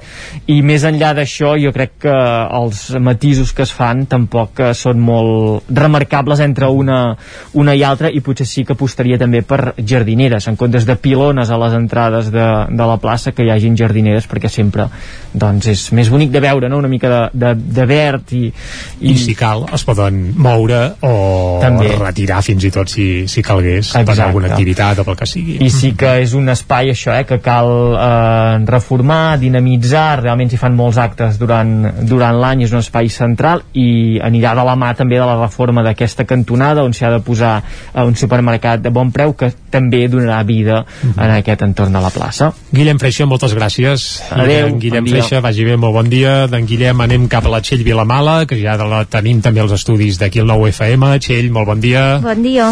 Què ens acostes? Doncs, uh, si us sembla, parlarem uh, d'aquesta signatura que es va fer ahir d'un conveni entre la Fundació Hospital de la Santa Creu i el Consorci Hospitalari de Vic. molta gent, deixa'm dir-te que ho confon tot i ja ho posaven tot dins un mateix sac, eh? Però cal dir que fins ara, diguem que, tot i que hi havia complicitats i sinergies, cadascú tenia una mica el seu organigrama i el seu eh, estatus i fins i tot el seu eh, director, etc etc. eh? Ara això s'unifica, no? Exacte, eren dues institucions eh, que, com bé dius, és veritat eh, que hi havia pacients que podien eh, traslladar-se d'una a l'altra, que compartien també alguns professionals. Eh, eren dues institucions que eh, independents, és a dir, cadascuna amb els seus propis òrgans de gestió, amb els seus propis comptes econòmics i amb el seu propi personal adscrit. Amb el canvi que s'ha acordat i amb la signatura amb el, amb el que es va oficialitzar ahir, en presència, per cert, del conseller de Salut, Josep Maria Argimon, aquestes dues institucions continuen mantenint la seva eh, independència, però passen a estar liderades per un mateix equip, en aquest cas eh, un equip liderat per la senyora Sara Manjón, que fins ara era la gerent del Consorci Hospitalari de Vic i passa també a ser-ho en virtut d'aquest acord de la Fundació Hospital de la Santa Creu. Això ha de servir eh, eh, perquè si Osona ja fa 30 anys que es venta de tenir eh, una xarxa sanitària eh, integral, integrada, en què els pacients eh, reben la mateixa atenció i veuen un circuit eh, coherent, eh, estiguin ingressats o no estiguin ingressats, doncs ara encara millori, mi, encara millori més aquesta coordinació i els principals centres sanitaris de la comarca, bàsicament els tres hospitals, vagin encaminats cap a la mateixa direcció i s'estalvin, per exemple, de tenir serveis duplicats això, eh, que és una mica abstracte, diguem, eh, per aterrar-ho eh, i que la gent ho entengui de manera més fàcil, és preguntar-nos, per exemple, eh, un pacient eh, que se'l trasllada de l'Hospital Universitari de Vic a l'Hospital de la Santa Creu perquè eh, és d'edat avançada i ha de fer una llarga estada perquè recupera, per exemple... Sí, sí. Necessita un parell de mesos per recuperar-se d'una intervenció, etc etc i fins ara aquests malalts sí que se'ls derivava cap a la Santa Creu. Exacte. Mm -hmm. Què passava? Que quan hi arribaven, a vegades se'ls tornaven a fer proves que ja els hi havien fet a l'Hospital Universitari de Vic, se'ls hi tornaven a fer preguntes que ja els hi havien fet, i les famílies i ells mateixos tenien una sensació com de tornar a entrar una altra vegada a dins del sistema sanitari. Doncs ara, per exemple, es compartirà un mateix programa informàtic que, malgrat que abans l'historial clínic ja era compartit, permetrà eh, que la informació transvasi encara d'una manera molt més clara i que s'evitin aquestes possibles duplicitats. Una altra opció, per exemple, aquí a la comarca tenim dos sociosanitaris, que són l'Hospital Sant Jaume de Manlleu i, com dèiem ara, l'Hospital de la Santa Creu. Uh, aquest acord s'aprofitarà per revisar què fa l'un i també què fa l'altre i veure si hi ha duplicitats, és a dir, si s'està tenint a les mateixes persones a tots dos llocs, doncs potser plantejar-se uh, si un es pot quedar amb l'atenció íntegra d'un determinat perfil i així en l'altre potenciar una nova àrea, no? Ens explicaven això, que fruit d'aquest uh, acord també apareixerà una direcció que fins ara no hi era, que, era la, que serà la d'atenció intermèdia i atenció a la dependència, també es vol potenciar més la salut mental, i tot això quedarà uh, integrat en un nou organigrama que té al capdamunt la senyora Manjón, però que també manté el doctor Jordi Roca, que fins ara era el, era el director gerent de la Fundació Hospital de la Santa Creu, Creu uh mhm. -huh. que passarà a ser el director d'Estratègia i Innovació.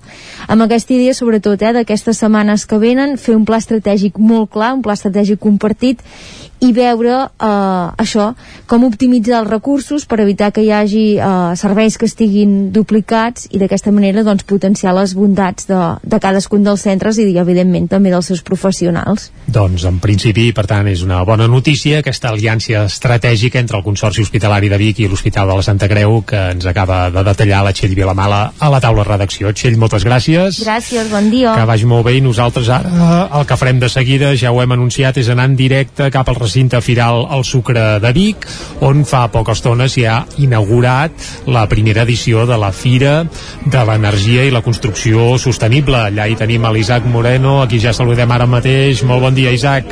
Hola Jordi, quant de temps? Ja està inaugurada, eh, la fira? Això ja està en marxa, uh, eh? Les autoritats han entrat fa poca estona al recinte i per, entenc que ara està celebrant-se l'acte inaugural. De mm. fet, abans de venir a la fira, el que han fet ha estat presentar un altre projecte de bastanta rellevància aquí a la comarca, que serà el projecte Prima, aquest banc de Sants de l'Institut de Recerca d'Energia de Catalunya, que s'instal·larà a GURB, i s'ha signat el conveni entre les diferents parts implicades, el Departament d'Acció Climàtica, amb la consellera Jordà al capdavant presidint la taula, amb l'alcaldessa de Vic, l'alcalde de GURB, el president de la universitat, el, el president del Consell Comarcal d'Osona i el rector de la Universitat de Vic. Uh mhm. -huh. Això ha estat el primer acte i, i després les autoritats s'han dirigit cap aquí al recinte firal del Sucre, on, com deia, se celebra aquesta fira. Una fira que compta amb una cinquantena d'expositors de diversos àmbits, de construcció sostenible, d'energies renovables, de bioenergia, i entre aquests 50, per exemple, ens trobem amb un d'ells. Estem a l'estant d'una marca comercial de Call d'Atenes, que és Baba But, que el que fan és fabricar cases de fusta. Però, Carles Rovira, bon dia. Bon dia. Responsable de Baba But. Quan parlem de cases de fusta ens pot venir al cas, al cap, la, casa, la caseta dels tres porquets, una cabana al bosc, no estem parlant del mateix, oi que no? No, no, no. El concepte de casa de fusta ha canviat molt, vale? Uh, sí que realment eh, hi ha un concepte eh, molt relacionat al que dius. La casa de fusta que coneix més la gent, pròpiament perquè potser és el sistema més tradicional que s'ha utilitzat, és el de blockhouse que es diuen, que són les típiques cases de, de fusta, que són troncs de fusta o talons de fusta un damunt de l'altre, i que aquesta fusta és la que es veu a la cara exterior i interior de la casa. Vale? és un sistema constructiu eh, potser més típic d'aquí de, de les zones de muntanya vale? És un sistema molt maco és més clàssic, vale? té un, la, el que és el disseny és un disseny més rústic, però potser eh, el, el, quan diem més bàsic és que no incorpora potser eh, el, més l'aprofitament de les tecnologies d'avui dia nosaltres hem fet trampa perquè hem vist a, en acció en viu en directe la construcció d'una d'aquestes sí. cases de fusta. És una casa de fusta que algú ens explicava diu, de fet pots acabar veient tanta fusta o tan poca com, com un vulgui diguéssim perquè queda per exemple al mig d'una urbanització i no tens per què saber aquesta fusta perquè es poden dissimular de moltes maneres a, a gust de, del consumidor. Són eh, cases que s'aixequen al solar però que ja mhm. venen preconstruïdes pràcticament, oi? Ah, exacte, aquí anava una mica a diferència de les que us explicava aquest sistema constructiu és el d'entremat lleuger que diem vale? és un sistema que es, es construeix tot a fàbrica, és més preindustrialitzat, intentem fabricar totes les parts dels murs a fàbrica, valen? i es munta in situ a l'obra amb les parets ja senceres, amb pràcticament només faltant l'acabat exterior i l'acabat interior porta els aïllaments a dintre, la part estructural, porta barrera de vapor a la cara interior, làmina transpirable a la cara exterior, 25 centímetres d'aïllament, les cobertes a punt de posar teules impermeabilització i els acabats de dintre eh, falta només la pintura. Vale? Què venim a dir amb això? Que la casa estan molt ben aïllades, vale? eh, tenen un, un grau alt d'aïllament, tenen barreres de vapor i transmitància per evitar el que és les fugues de vapor de dintre, que és el que fa que nosaltres tinguem la casa ben calefactada, vale? quan nosaltres aportem energia, el problema que tenim és que se'ns escapa. Aquestes làmines que posem, que s'assellen molt bé, són les que ens garanteixen l'estanqueïtat de la casa. Vale? A part d'això, el, tot el part d'aïllament i els tableros que fiquem de fusta, que intentem que siguin sempre al màxim naturals i ecològic, fa que tinguem un confort molt agradable dintre la casa, vale? que això sí que s'iguala molt a les cases tradicionals de fusta, el confort que et dona. La temperatura és amb unes temperatures molt més baixes, més agradable que una temperatura normal, perquè la calidesa dels productes i els ser productes sants et donen una, una estança a dintre molt més efectiva. Vale? Llavors, els acabats que dius normalment eh, avui dia la gent eh, quan són a les zones d'aquí que no és de muntanya li agraden acabats més moderns més de pintura, enrajolats. Llavors aquests acabats a dintre la fusta estructural queda ficada dintre. A la part eh, que veiem nosaltres poden ser acabats de pintura, acabats enrajolats de marbre, pot ser també en fusta tant en sostres com en parets. No tenim que veure vigues inclús fem moltes cases que no veus la fusta en cap dels llocs eh? i això també ho comentaves eh, pel que, des del punt de vista tèrmic pel que tenir en compte els aïllaments també et permet eh, estalviar amb energia Sí, és el, a veure, el, aquestes cases tenen, tenen tres punts claus, vale? un és la, la rapidesa de, de construcció, vale? el que fa que la gent eh, avui dia no tinguis que esperar un any o dos anys en construir, sinó que en pocs mesos pots tenir la casa i entrar-hi a viure. Cinc mesos em deien ahir, eh? Sí, correcte, més o menys estem a l'ordre d'uns cinc mesos de construcció, vale? Llavors, un punt molt important és la, el tema de climatització. La climatització, sobretot aquesta nostra zona, eh, tant estiu com hivern tenim un clima una mica agressiu llavors si les cases no estan molt ben aïllades ens trobem que el consum energètic és molt alt vale? llavors és un punt molt important nosaltres sempre diem que fes una casa eh, comporta dues hipoteques vale? Uh, tothom pensa en la primera hipoteca que és la hipoteca que tu demanes per pagar la construcció de la casa però que aquesta hipoteca normalment té un fi 15, 20, 25 anys, 30 anys. Però la segona hipoteca, que la gent pensa poc, és la hipoteca que tens per tota la vida de pago d'energia mensual per sempre. Aquesta segona hipoteca és molt important, perquè de pagar una hipoteca d'energia de 60 euros o a 200 euros te'n vas al doble, i aquestes contemplen poques vegades. És potser una mica la incultura que tenim en aquest sentit. Vale? Un exemple molt clar és que si tothom Tothom sap el seu cotxe el que gasta, però la casa ningú sap. I les cases també es, es valora el seu consum. Nosaltres aquí tradicionalment no es fa, però a altres llocs d'Europa la gent sap els consums de quilowatts que té a casa seva. I si tu li dius que gasta 15 quilowatts, aquella persona sabrà si la casa gasta molt o no. Aquí, a una persona li dius quan gasta a casa seva i no Ni deia. Però si més o menys et dic que gasta 15, 15 quilowatts... Encara menys. No sabràs ni si és molt ni poc. Però si et dic que el cotxe que et compres et gasta un 25, tu et diràs que estàs boig i no te'l compres. Vale? Pues hi ha gent que aquí es compra cases que gasta un 25%. Vale? No, I això és com si compréssim un cotxe híbrid o un cotxe elèctric, que el consum és bàsic. I la inversió inicial? Eh, una casa de les mateixes característiques amb obra tradicional o amb fusta constructiva com la vostra, diguéssim, se'n va molt de preu o és molt similar? Mira, uh, clar, mm, per lògica hauria de ser bastant més cara perquè el metre quadrat de producte que tenim nosaltres és molt més car que el metro quadrat d'obra tradicional vale? passa que nosaltres juguem amb, una, amb un avantatge uh, el nostre sistema al ser evolucionat i fet a fàbrica els timings de, de mà d'obra són molt més reduïts vale? per tant què passa? El, quan al final de l'obra fem una comparació econòmica podem dir que més o menys estem al mateix import de construcció amb una casa d'obra tradicional a una casa de sistema d'entremat lleuger, eficient i ecològica. Què passa aquí? On és la diferència? O, o, o, el, gran, o el gran què de les persones? Els cèntims que inverteixes en construir una casa o molta part dels diners que inverteixes en una obra tradicional els pagues a mà d'obra. Vale? A diferència nostra, la part important que inverteixes de diners és en molt material, vale? que és el que fa que et redueixi aquesta segona hipoteca que estem parlant. Per tant, tu quan inverteixes uns diners en una casa o un altre tipus de casa, a invertir-los en mà d'obra o invertir-los en qualitat de producte és molt diferent. Amb tot això permeta que faci un incís. Sempre estem comparant la casa tradicional amb la casa de fusta. No voldria dir que es pensés la gent que el que té una casa tradicional o que es vol fer una casa tradicional sigui un sistema obsolet ni molt menys, ¿vale? El que passa que sí que la cultura de construcció d'una manera o l'altra canvia. Es poden fer cases tradicionals de tutxana amb murs d'obra igual i igual d'eficients, vale? perquè l'únic que s'han de fer és tenir un concepte d'aïllaments i de làmines de proteccions i si pot ser de treballar amb productes ecològics per tenir una casa eficient i sana igualment. El que passa que la costum que tenim tradicional és de ficar-hi pocs aïllaments i amb productes molt més químics. Pocs diners i més barat. Correcte. Clar, l'altra cosa és aquesta. Si vols fer una casa tradicional amb productes ecològics i el mateix aïllament que nosaltres per tenir una gran eficiència tèrmica, llavors sí que et sortirà molt més cara una casa d'obres que una casa de fusta. En aquest cas sí. Carles, Carles Rovira, moltes gràcies per il·lustrar-nos amb el tema de la construcció sostenible en fusta. Eh, com dèiem aquí a Call d'Atenes tenim aquesta empresa especialitzada en la comercialització d'aquest tipus d'habitatges sí, i hi ha déu nhi que aneu tenint per aquí sí, a la comarca i altres sí, llocs. Tenim eh? uns quants escampats, ja. Eh? Moltes gràcies i que vagi bé la fira. Gràcies per confiar en nosaltres i espero haver pogut ajudar la gent. Oh, tant com sí. Gràcies. Bon dia. Bon dia.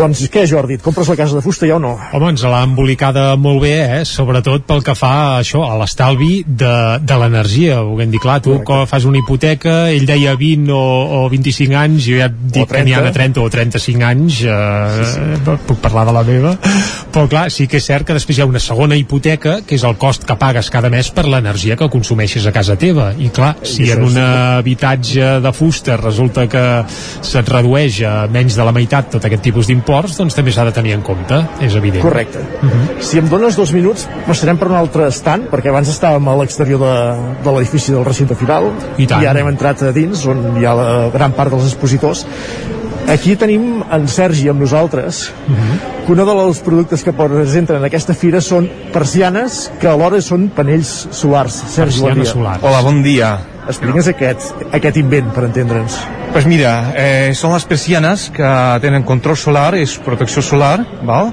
I també eh, tenen producció eh, fotovoltaica, perquè tenen introduïdes les plaques fotovoltaiques, eh, estan eh, motoritzades, totalment automàtiques, i tenen sensors de posició solar i tot això això que et permet a nivell d'estalvi de, evidentment és una persiana que tu ja la tens posada davant de la finestra això et, et capta la, la llum solar i et permet generar, generar energia diguéssim, aquest és el gran, el gran atractiu no? d'aquesta, és un, un element que ja tens a la casa i que sí, més et, sí, et, et dona aquests uh, per exemple, bueno, la idea era que molts edificis d'oficines eh, hospitales o hoteles eh, no tenen eh, tanta sota per, per pujar les plaques fotovoltaiques i tenen un, un gran impacte de radiació solar que molesta i ho sabem aquí en Espanya que 8 mesos tenim l'aire condicionat eh, a marxa i produir fred és més car que produir eh, calor. Per això que tenim aquí la protecció solar el, eh, primerament que podríem només amb protecció solar podríem eh, fer eh, disminuir la factura de 20 a 35% i després eh, amortització fotovoltaica eh, una amortització amb el preu de la instal·lació normalment són 5 eh, barra 6 anys 5-6 anys, sí Perfecte, doncs és un dels productes que podem veure en aquesta fira. D'on veniu, per curiositat? Uh, aquest producte és d'Ucrània, però nosaltres som uh, representats d'aquesta startup. Eh, per cert, uh, busquem les inversions per fabricar-los aquí a Espanya o comarca Vic eh, si algú està interessat eh, que truquen a Solar Gaps Espanya eh, benvinguts merci Perfecte, moltíssimes gràcies. Doncs, doncs si ja ho veies, vol- sí, sí, Persianes que alhora capten generen energia. Doncs si algú es vol apuntar a ajudar a fabricar persianes solars aquí mateix ja acaben de llançar l'esquer, per tant si hi ha algun inversor ha disposat a apostar per aquesta bé, tecnologia doncs eh, ja, està, ja, està, ja està llançada la, la idea.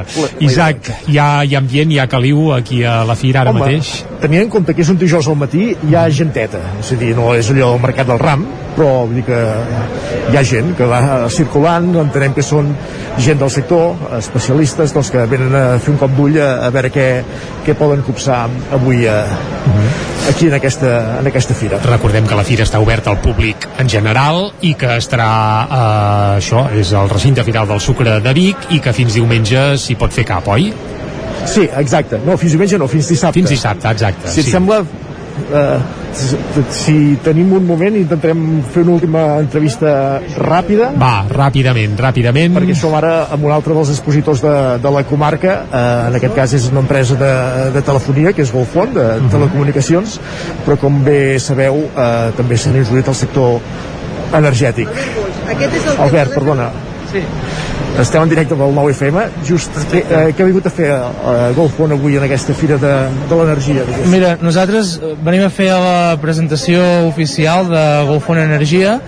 Uh, bueno, com ja molta gent sap això, nosaltres ja fa temps que estem presents en aquesta comarca amb el tema de telecomunicacions. Estem amb, amb, amb un projecte interessant a nivell de tot Catalunya perquè estem desplegant xarxa de fibra òptica a diferents municipis amb l'objectiu d'arribar a tindre doncs, una, una xarxa catalana de fibra òptica a, a Catalunya. I amb el tema de l'energia eh, vam entrar com a comercialitzadora eh, sobretot per unificar el, els productes perquè la gent tingui un, un, un sol interlocutor, és a dir, que, ostres, tinc algun problema eh, amb, amb, de connexió a internet o de telefonia o d'energia, al final sempre eh, per un GoFone que al final em porten tots els serveis. Nosaltres el que vam ser és una mica, eh, fins ara eh, dèiem que volíem ser la, o que intentem ser l'operadora de referència, el que vam ser és l'empresa de serveis de referència i englobar tots els productes. Anava a dir, i aquesta energia, a la llarga, l'idea és generar-la vosaltres mateixos I- amb autoconsum? Correcte, correcte. El que volem, el que volem fer, ara hem arrencat la comercialitzadora, ara estem arrencant tot el, el tema de l'autoconsum. També estem buscant amb, amb, amb empreses de la comarca i de més que tinguin eh, espai sobrant de teulat, vale, de 800 metres quadrats o més, per començar a arrencar projectes de generació generar aquesta energia que després serà la que, pues, que, que, que, que, que, que venem als nostres usuaris. Albert Boix, fundador de Golfon, moltes gràcies. Moltes gràcies a vosaltres. I ara sí, Jordi, doncs, acabem. Ho deixem aquí. Eh, ja has vist que hem fet un repàs per diversos àmbits d'aquesta Fira de l'Energia. I tant la que sí. sostenible. I ja veiem que és una fira que, bé, que toca diferents vessants, diferents temàtiques, des d'àmbits molt diferents i també des d'empreses molt diferents. Isaac, moltes gràcies per aquesta connexió en directe amb la Fira de l'Energia i la Construcció Sostenible i nosaltres Bon dia. seguim molt bon dia quan són, passen ara mateix 6 minutets de les 11 del matí, seguim en directe aquí a Territori 17 i tot seguit us acostem de nou la informació de les nostres comarques, les comarques del Ripollès, Osona, el Moianès i el Vallès Oriental. Territori 17, amb Isaac Moreno i Jordi Sunyer.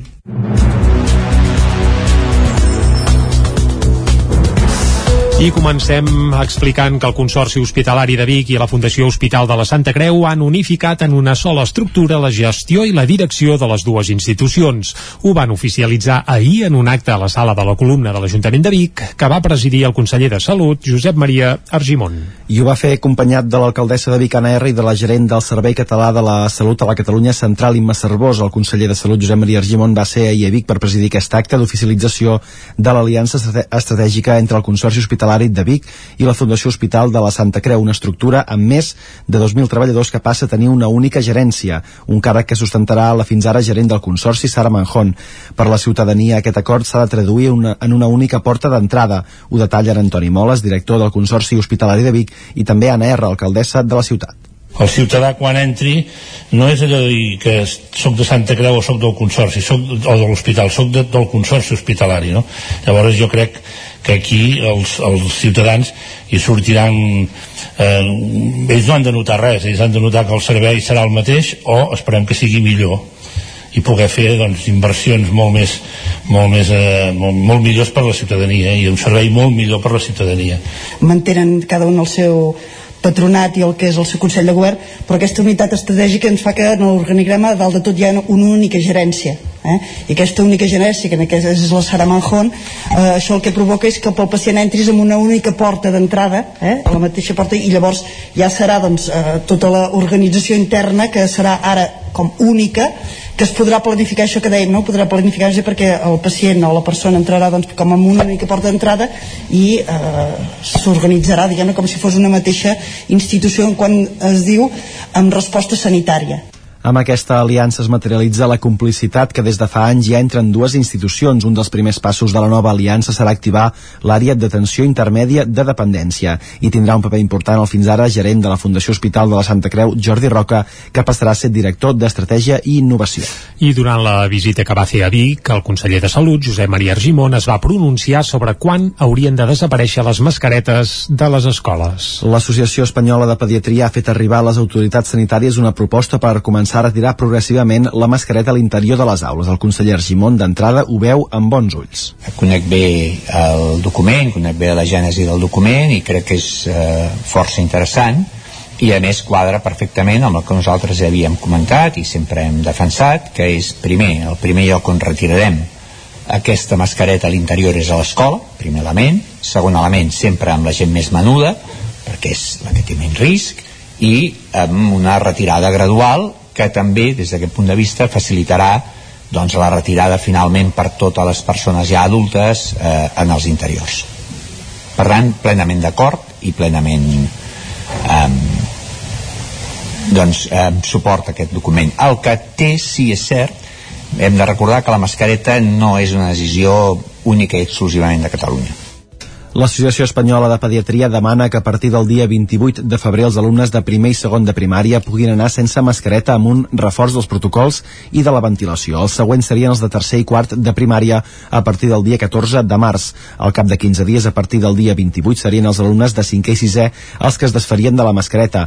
També de manera progressiva, la mesura s'acabaria eliminant el 25 d'abril per als alumnes de secundària i el 9 de maig per als de batxillerat. Moltes gràcies, Guillem. Anem ara cap al Ripollès i ara sí que us explicarem que l'Ajuntament de Can de Bànol reobrirà el carrer Puigmal al trànsit rodat durant les pròximes setmanes. Isaac Muntades, des de la veu de Sant Joan. Després de dos anys i cinc mesos, els veïns de Camp de Bànol podran tornar a circular amb cotxe pel carrer Puigmal. Els tres grups polítics del consistori, Junts per Can de Bànol, Esquerra Republicana de Catalunya i la CUP, van acordar que reobri el trànsit en les pròximes setmanes. Cal recordar que aquests mateixos partits van acordar tancar-lo per unanimitat en un ple celebrat cap al setembre del 2019 2019. Llavors van optar per aquesta opció perquè els pares que tenien fills a l'escola, ubicada allà i inaugurada abans de l'estiu, temien per la seguretat dels nens, ja que hi ha força trànsit de cotxes però també de vehicles pesants, com camions que venien de descarregar al supermercat del carrer de la Gala o cap a l'empresa Conforça. El tancament es va poder justificar gràcies a un informe favorable del Servei Català de Trànsit. L'alcaldessa Dolors Costa va explicar el motiu del canvi d'opinió dels tres partits. Un cop passat el temps hem vist que aquest tancament, a part de no garantir eh, absolutament la seguretat dels nens també afecta la mobilitat dels cotxes que circulen per dintre del poble, ja que és una artèria molt important que va d'un barri a l'altre. Després de la recollida de signatures de tota una sèrie de gent de Can Davant expressant el rebuig a aquesta mesura presa, però sí que una de les mesures que volem prendre doncs, és obrir aquest carrer amb una única direcció, o sigui, una única direcció que seria direcció eh, de sortida del poble. Eh? Abans era doble direcció. Com deia Costa, una veïna va presentar unes 270 signatures per reclamar-ne l'obertura. Ara els cotxes només podran circular del centre de Camp de Bànol cap a la perifèria i en canvi no es podrà entrar al carrer Puigmal i trencar cap al Diagonal venint del Roser. Costa va reconèixer que no havia tingut sentit tancar el carrer per vacances o els caps de setmana. Això sí, el carrer es tancarà amb pilones automàtiques a l'entrada i a la sortida dels nens al matí, migdia i tarda, juntament amb l'ajuda del municipal per gestionar el trànsit. Toni Riera d'Esquerra i Mariona Brol des de la CUP també van valorar-ho positivament. Consensuat de seguit perquè unes idees que marcaven molt clar tot aquest projecte era, com molt bé dèiem tots, era la seguretat i, i era la viabilitat, vull dir que teníem molt clar de que, de que el que volíem marcar era, era aquestes dues prioritats davant de totes. Està bé que una decisió que es va prendre en un ple que va ser votada per unanimitat amb els tres grups que estem a, a l'Ajuntament, no? que s'hagi fet la reflexió després de bueno, doncs que hi ha hagut moviment veïnal, que després també hem vist entre tots que potser no era la millor solució i que hem estat capaços no, de dir, bueno, doncs en aquell moment no, es va prendre una decisió que no tocava i, i que no costa res no, fer marxar enrere. Costa sí que va reclamar als pares que puguin que intentin portar els nens a peu fins a l'escola per ajudar a la pacificació de la zona. I ara anem cap a la capital del Vallès Oriental i és que el Teatre Auditori de Granollers celebra 20 anys amb 640.000 espectadors i més de 1.200 espectacles programats. Artistes i entitats locals de la comarca del Vallès Oriental hi han protagonitzat 346 produccions. Ens ho explica Núria Lázaro de Ràdio Televisió de Cardedeu. L'equipament es va estrenar el 15 de febrer de 2002 amb l'espectacle Ricardo i Helena de Carles Santos. La programació familiar ha estat un dels pilars del teatre i li ha portat gairebé un terç del total d'espectadors. 206.587 han vist algun dels espectacles infantils i familiars. Al voltant del 25% dels espectacles que s'hi han fet han estat produïts per artistes locals o entitats de la ciutat. Són 346 en aquestes dues dècades d'activitat cultural. Un altre dels puntals del Teatre Auditori de Granollers han estat les formacions residents. La primera va ser l'Orquestra de Cambra, que es va convertir en resident de l'espai ja l'any 2002 i va professionalitzar-se. Al seu voltant s'han articulat una temporada estable de música clàssica que s'ha sumat més de 86.000 espectadors. Si suma l'òpera, s'han fet 349 concerts amb 133.285 espectadors. També hi ha ajudat la vinculació amb l'Escola Municipal de Música i Conservatori Josep Maria Ruera, situada al mateix espai. Més endavant s'hi van sumar tres formacions més. Des del 2007, veus cor infantil Amics de la Unió i el Cor de Cambra de Granollers i des del 2021 el Cor Jove Amics de la Unió. També ha estat un element dinamitzador la creació d'escena gran, la programació conjunta amb el Teatre de Campalots a Canovelles. I tornem cap al nord del territori 17 per explicar-vos el projecte Caminart, que concentrarà 70 obres de l'Andart en un recorregut de 67 quilòmetres en 7 etapes per la comarca del Ripollès.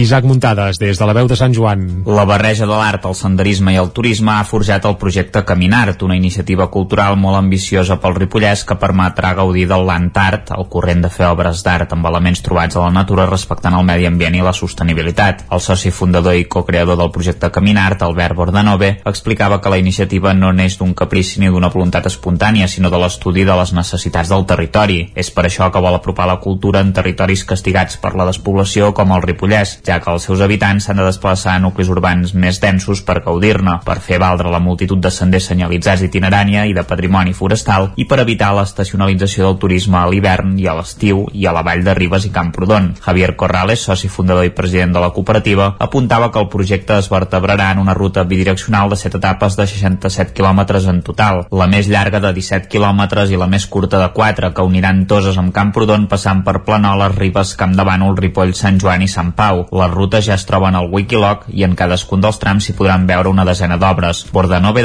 detallava els valors de caminar. És sostenible perquè només es poden emplear materials naturals reciclats i additius com ara cordes, tintes, coles, etc 100% biodegradables. És respectuós perquè la intervenció és efímera i es limita a interpretar el que hi ha amb una nova mirada proposada per l'artista. És canviant perquè les obres estan sotmeses a l'acció del clima i per tant evolucionen de forma espontània. Cada any es renovaran totalment les instal·lacions artístiques. És atractiu, en primer lloc perquè és una iniciativa única al món. És també innovador perquè atrau tant els amants del senderisme, la natura, com de l'art, la fotografia, la salut, etc. Alhora és universal, perquè com a expressió artística visual és a l'abast de totes les edats, llengües i cultures. I, finalment, és gratuït. Els impulsors del projecte es van reunir amb els artistes del Ripollès per conèixer el seu interès a participar-hi, tot i que està oberta a tothom. Les bases es van publicar aquest dimecres i es podrà fer la proposta artística individual o col·lectiva fins al 24 d'abril. La inauguració de les 70 obres previstes serà l'11 de maig i estaran exposades fins al 15 d'octubre d'octubre. Corrales va detallar que també es donaran premis. De les 10 obres que volem que hi hagi en, cada etapa hi haurà 3 premis, a, la,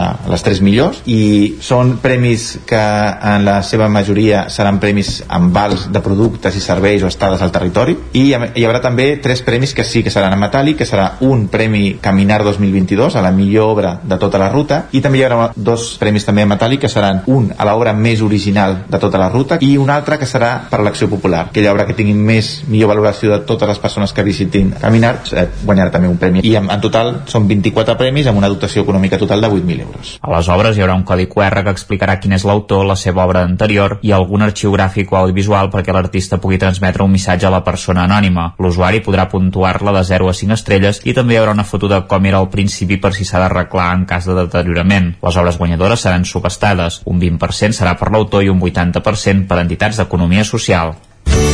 Territori 17. Envia'ns les teves notes de veu per WhatsApp al 646 079 023. 646 079 023. WhatsApp Territori 17.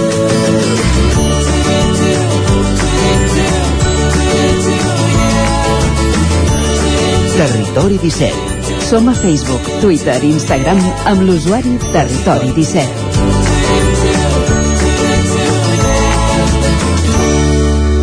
Territori 17. I quan passen 3 minutets d'un quart de 12 del matí, és el moment a Territori 17 de saludar en Jordi Soler, que ens acompanya cada 15 dies aquí a Territori 17. Jordi, molt bon dia. Molt bon dia. I molt bona hora. De què ens parlaràs avui, Jordi? Eh, Bueno, seguirem, seguirem aquest recorregut que hem iniciat aquesta temporada de submergir-nos a la part inconscient eh, de buscar formes, maneres d'entendre, d'entrar en un aspecte nostre que, bueno, que potser no el tenim massa en compte moltes vegades i que ens dirigeix. I la forma que se m'acut més recent, eh, una forma que la veiem cada dia eh, per el cinema, la tele, és el viatge de l'heroi. El viatge de, De l'heroi.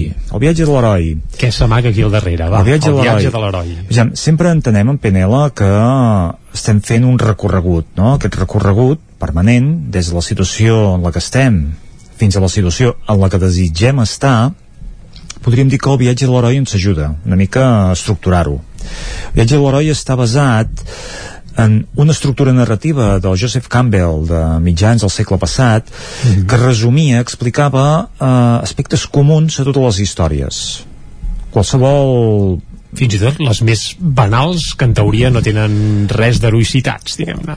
la major part de les històries, la major part, evidentment que hi ha matisos, eh? tenen unes estructures comunes, semblants. Eh? I llavors, el Joseph Campbell, doncs, una mica les estructurava i més enllà d'aquesta estructura narrativa, pensat una mica en la manera d'explicar històries, vull dir que si es respectaven una mica unes regles, uns passos, un ordre, la història tenia molt més fàcil l'entrada a la gent, mm -hmm. vull dir que tocar els aspectes emocionals, tocar els aspectes que tenim totes les persones en aquest inconscient col·lectiu feia que la història tingués més èxit. Això Carl Jung eh, ho va saber veure, ho va saber captar i ho va saber transportar cap a la part de l'inconscient col·lectiu. Carl Jung ens deia que en aquesta zona desconeguda nostra, la part inconscient, hi ha el que és l'inconscient personal, allà on guardem coses que no en som conscients, però que hem recollit nosaltres en la nostra vida, i l'inconscient col·lectiu, coses que ja portem de sèrie. No? Després, el viatge de l'heroi una mica ens ajuda a accedir, a entendre, submergir-nos en aquesta part de l'inconscient col·lectiu. Uh -huh. Doncs, el que portem de sèrie, diguem-ne. Uh -huh. que portem de coses que tenim en comú. Eh? I a les històries hi ha moltes coses que, que hi són en comú. Això que deia, perquè una història funcioni, el Joseph Campbell va estructurar-ho i hi havia unes etapes. La primera etapa és, bueno, en el món ordinari, i això més que la part narrativa ho portem a la part del Carl Jung, eh? a la part arquetípica, aquesta part una mica més de la psique, per entendre'ns com funcionem i poder fer aquest viatge nostre interior, personal, d'autocreixement. Mm. Perquè al final aquest viatge de l'heroi acaba sent un viatge particular, nostre, únic, cap a l'autoconeixement, cap a l'autocreixement. Si és que ho volem emprendre, si estem conformes amb el que tenim, estem allà on estem, però si no és aquesta la nostra situació, sinó que hi ha alguna inquietud, hi ha alguna cosa que no sabem a on però que la necessitem, a la que hi hem d'accedir, és fàcil que tinguem aquesta crida a l'aventura. Eh? En, el, en el món ordinari nosaltres estem vivint i pot ser que es despertin aspectes nostres, inquietuds, que ens diguin que, bueno, que hem d'accedir a quelcom més. Llavors aquesta crida a l'aventura és el primer pas del viatge a l'heroi. Uh -huh. no? Hi ha alguna cosa que ressona dins nostre que si ho portéssim al món del cinema doncs bueno, és quan l'heroi doncs, eh, eh, comença diguéssim la, la seva etapa de, de, de, renovació d'aventura no? aquesta crida va seguida de dubtes Diu, bueno, ja, jo aquí estic molt bé dir, tinc els meus dubtes de que hagi de sacrificar aquesta comoditat, aquesta zona de confort amb la per que arribar a una fita nova que en teoria m'ha de dur a un estadi millor però mm. amb riscos estem molt bé on estem, no? llavors hi ha dubtes per uh, superar aquests dubtes sol aparèixer el, el mentor, el tutor la persona que ens dona una empenta aquell impuls de dins nostre que ens diu mm, no estem bé per tant, aquesta crida fes-li cas, necessites necessites eh, engegar aquest camí no? vull dir, quan no estàs conforme o hi ha alguna cosa que ressona molt és fàcil que aquest mentor, aquesta crida doncs t'estivi t'estivi a travessar el que és una altra etapa que és travessar l'umbral eh, d'aquest viatge de l'heroi, hi ha la crida a l'aventura i el travessar l'umbral travessar l'umbral vol dir endinsar-nos a una part desconeguda en el món màgic, sortim de la part conscient en la que nosaltres som conscients de les de la nostra situació, que no és tot el que nosaltres voldríem, però que potser en alguns casos mm, és prou còmode, doncs quan travessem a la part inconscient aquí ha, no es pot d'alguna forma relacionar amb coses mm, físiques, mentals, racionals, mm -hmm. sinó que ja ens hem de deixar anar. Eh? Aquí estem entrant, submergint-nos amb la part de l'inconscient i aquí apareixen aspectes nostres que, bueno, que són pors que són ajudes que són reptes, que són proves que són tot un seguit de accions que en les pel·lícules veiem doncs, quan l'heroi anem fent una mica el símil eh? les pel·lícules doncs, l'heroi engega l'aventura i allà es troba doncs, companys de viatge i apareixen amenaces apareixen això, els dolents de la pel·lícula no?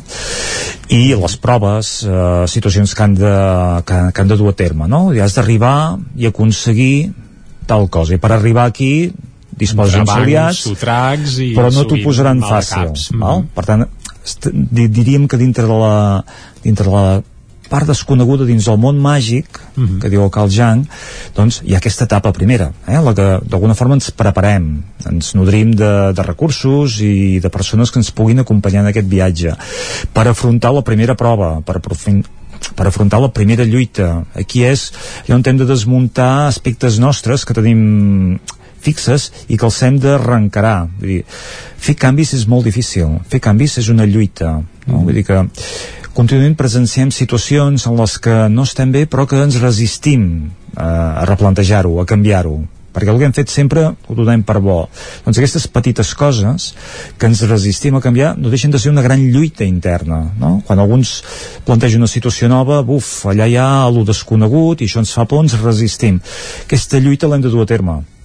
I a vegades no és fàcil, i amb coses petites es desencadena allà una gran batalla en la que hi ha bueno, polaritats, hi ha parts enfrontades que hem de saber superar. Si les sabem superar, si realment som valents i, i fem canvis i fem el que hem de fer, aquí és fàcil que recuperem una experiència, que tinguem una nova visió, mm -hmm. que siguem d'alguna forma diferents. En aquest punt és quan podem d'alguna forma, doncs, bueno, contentar-nos amb això i iniciar el camí de tornada, dic, he vingut eh, a explorar una part desconeguda, he sabut entendre el propòsit i retorno. Però en aquest camí de retorn, en aquest camí de retorn ve la prova final, ve allò la veritat absoluta, dir, el que t'amagaves, el que t'autoenganyaves realment apareix i ho has d'afrontar i ho has de superar si realment vols acabar fent aquest camí de tornada cap al món ordinari una altra vegada amb l'elixir de, de la transformació, no? com una persona nova mm. i intentant acostar-te a, a la teva situació desitjada. Doncs aquest viatge de l'ordinari cap a l'extraordinari, cap al món màgic i retornar transformat al punt de, al punt de partida, però ja d'una nova manera, és el que, el el Jang ens diu que hem de tenir en compte i que hem de saber utilitzar si realment volem fer aquest viatge d'autocreixement un viatge d'herois. D'herois, eh? que el veiem a totes les pel·lícules cada dia. Jordi, moltes gràcies per acompanyar-nos en aquest viatge. T'esperem d'aquí 15 dies de nou aquí a Territori 17. Aquí estarem. I nosaltres el que farem és una breu pausa, tornem a dos quarts en punt i ho farem parlant de cinema. Fins ara mateix.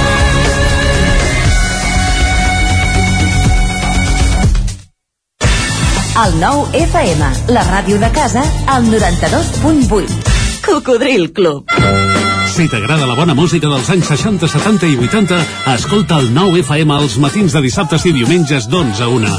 És el temps del Cocodril Club, tot un clàssic de la ràdio, amb les bases del pop-rock, les llegendes, les cançons que s'han convertit en autèntics himnes. Recorda, dissabtes i diumenges al matí, d'11 a 1, al 9 FM 92.8. Cocodril Club, el programa revival de l'Albert Malla. Hasta luego, cocodrilo. Cobertes serveis funeraris. Els nostres tanatoris estan ubicats en els nuclis urbans més poblats de la comarca d'Osona per oferir un millor servei. Tanatori de Vic, Tanatori de Manlleu, Tanatori de Centelles i Tanatori de Roda de Ter. Sabem que són moments difícils i per això el nostre compromís és atendre-us en tot moment amb un tracte humà, sensible i respectuós. Cobertes serveis funeraris. Telèfon 24 hores 93 883 23 46. El 9-9 celebra aquest febrer el mes del digital. Festa subscriptor a l'edició digital a meitat de preu per només 49 amb 95 euros. Aprofita el descompte del mes del digital i tingues a l'abast tota la informació del 9-9. Truca al 93 889 49 49. Mmm, quan fa que no menges pluma ibèrica de Salamanca i xuletilles de lechal a la brasa amb una bona amanida? Oh, i un xuletón de vedella gallega? O lechazo de Castilla al forn? Ah, i botillo del Bierzo amb cachelos i col? Ei, i cochinillo a l'estil de Segovia, i tot acompanyat d'un bon celler. Oh, i uns bons serranitos de pollastre, de llom, de burguesa, del que tu vulguis. Per menjar la millor cuina de lleó sense moure't de casa, vine a El Racó de León. Fem cuina tradicional lleonesa i de mercat. Vine amb la família, amb els amics, amb la parella o sol. T'encantarà.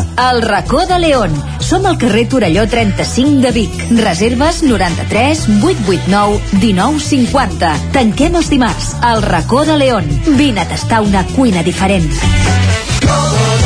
A la Clínica Dental Sant Fortià hi trobareu un equip professional que treballa de manera coordinada per oferir un tracte sensible i humà. Estem preparats per qualsevol urgència dental i oferim accions preventives per la tercera edat i els infants. I aquest carnaval, vine disfressat i emporta't un regal.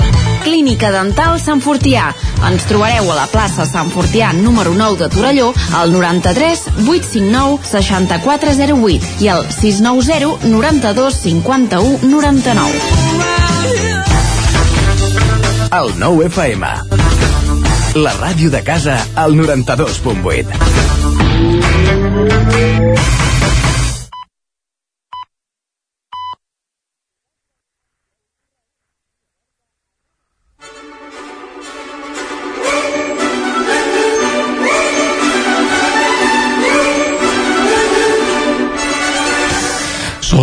quarts de dotze en punt del migdia, seguim en directe aquí a Territori 17 i com cada dijous, la darrera mitja del programa la dediquem a parlar del cinema.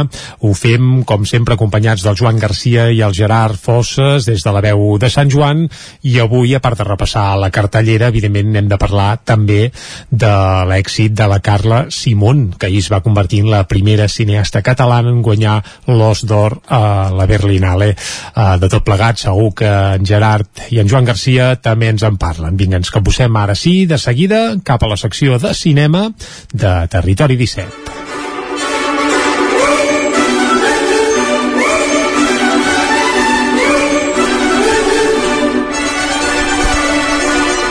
Una setmana més, eh, moment de parlar de cinema, de saber quines són les estrenes cinematogràfiques de la setmana i també aquesta setmana repassant també eh, premis i, i festivals. Um, ho fem com sempre amb en Gerard Fosses. Hola Gerard.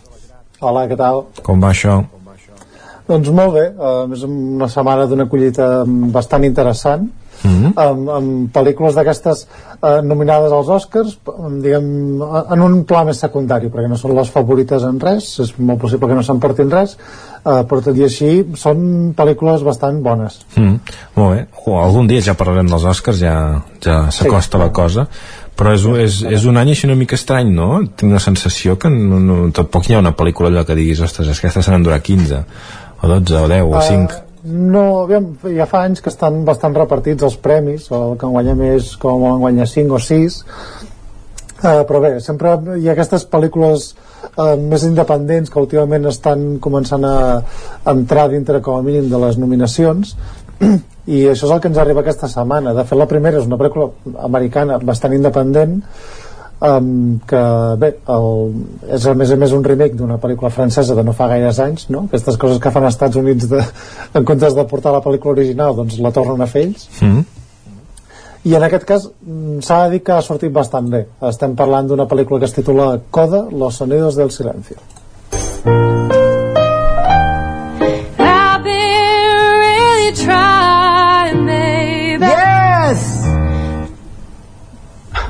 You're embarrassed? Well, most people who are terrified of singing don't sign up for choir. Ruby, are you high? Other kids make me nervous. Molt bé, estem parlant d'un institut, una noia que canta molt bé, no? Mm. Sí, efectivament, és una noia que, que, que canta molt bé, que vol ser cantant uh, passa que té una circumstància familiar i és que la seva família és sormuda Mm. el, tant els seus pares com el, el seu germà gran i, i ella bàsicament ha estat tota la vida com a, com a intèrpret seu, no? Clar, imagina't ella de petita mm, comunicant-se només en llenguatge de signes, com va començar a l'escola amb prou feines sabia parlar perquè no estava acostumada a fer-ho i, i bé, doncs tot i així té aquest talent pel, pel cant i trobar un professor que li fa de mentor per, per ajudar-la a entrar en una escola de música de totes maneres aquesta típica història de, de superació el que la fa interessant és justament aquesta relació amb el, amb el nucli familiar no? i com, com pots eh, salvar aqu aquesta bretxa, aquest salt que hi ha entre unes persones que no poden entendre la música eh, com a mínim en tota la seva plenitud Mm. I, i per tant tampoc poden entendre les inquietuds de la seva filla i alhora ella és la que aquesta responsabilitat de d'això, de, de cuidar la seva família perquè no poden comunicar-se, no? Són una família de pescadors eh, i, cai, i ella és ella tota la, la que fa les funcions de parlar per ràdio, de negociar els preus, etc etc. Mm. Um, dit això, mm, és una pel·lícula d'aquestes que, que desperten alegria, és, és molt, dona moltes recompenses a l'espectador perquè el conflicte és mínim, uh, el melodrama en el seu punt just, i és d'aquelles pel·lícules sobradament carismàtiques. El, el que la pel·lícula francesa titulada de la, la família Belier, si algú li interessa, es, la pot trobar a Filmin, em sembla, i a, i a Movistar.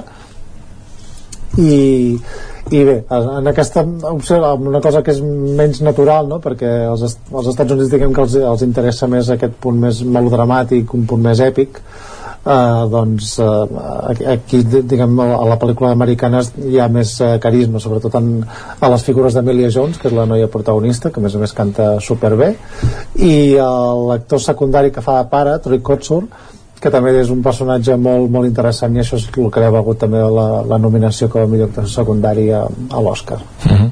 Molt bé. Per tant, bona proposta segons la, Sí. la teva opinió, eh? Sí, és una pel·lícula molt recomanable, però bàsicament és perquè és d'aquelles que, que és impossible que, que t'entri malament. És, és d'aquestes que, no sé, animen, que et donen alegria, a més a més la música sempre, sempre hi ajuda. Uh, per tant, molt, molt recomanable per passar una bona estona. Mm. Ara, una altra d'aquestes coses així que dic jo a vegades um, que poden semblar estúpides, eh? i em sap greu, però com a mínim així les teves respostes ja són més interessants encara. però també és, és aquest tipus de pel·lícules que fa uns anys això tenia un mercat molt més, més indi, no? Vull dir, potser sí.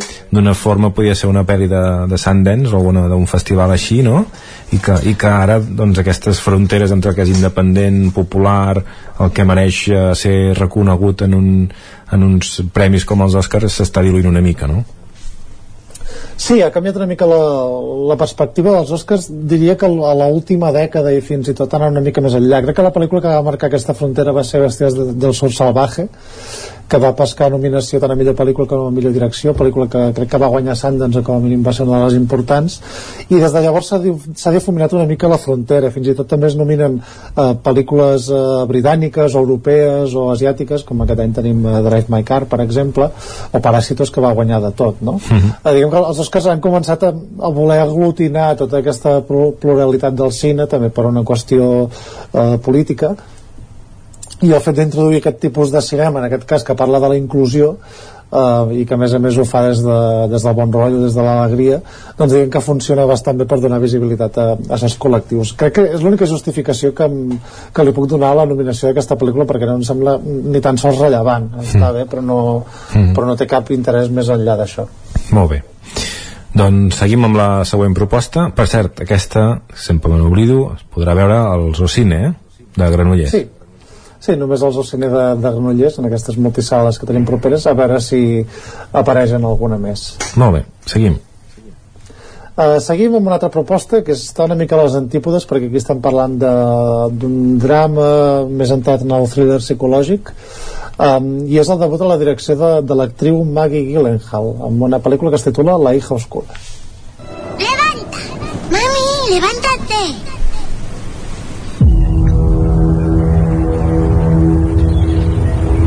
¿No tienes hijos? Sí, tengo dos hijas.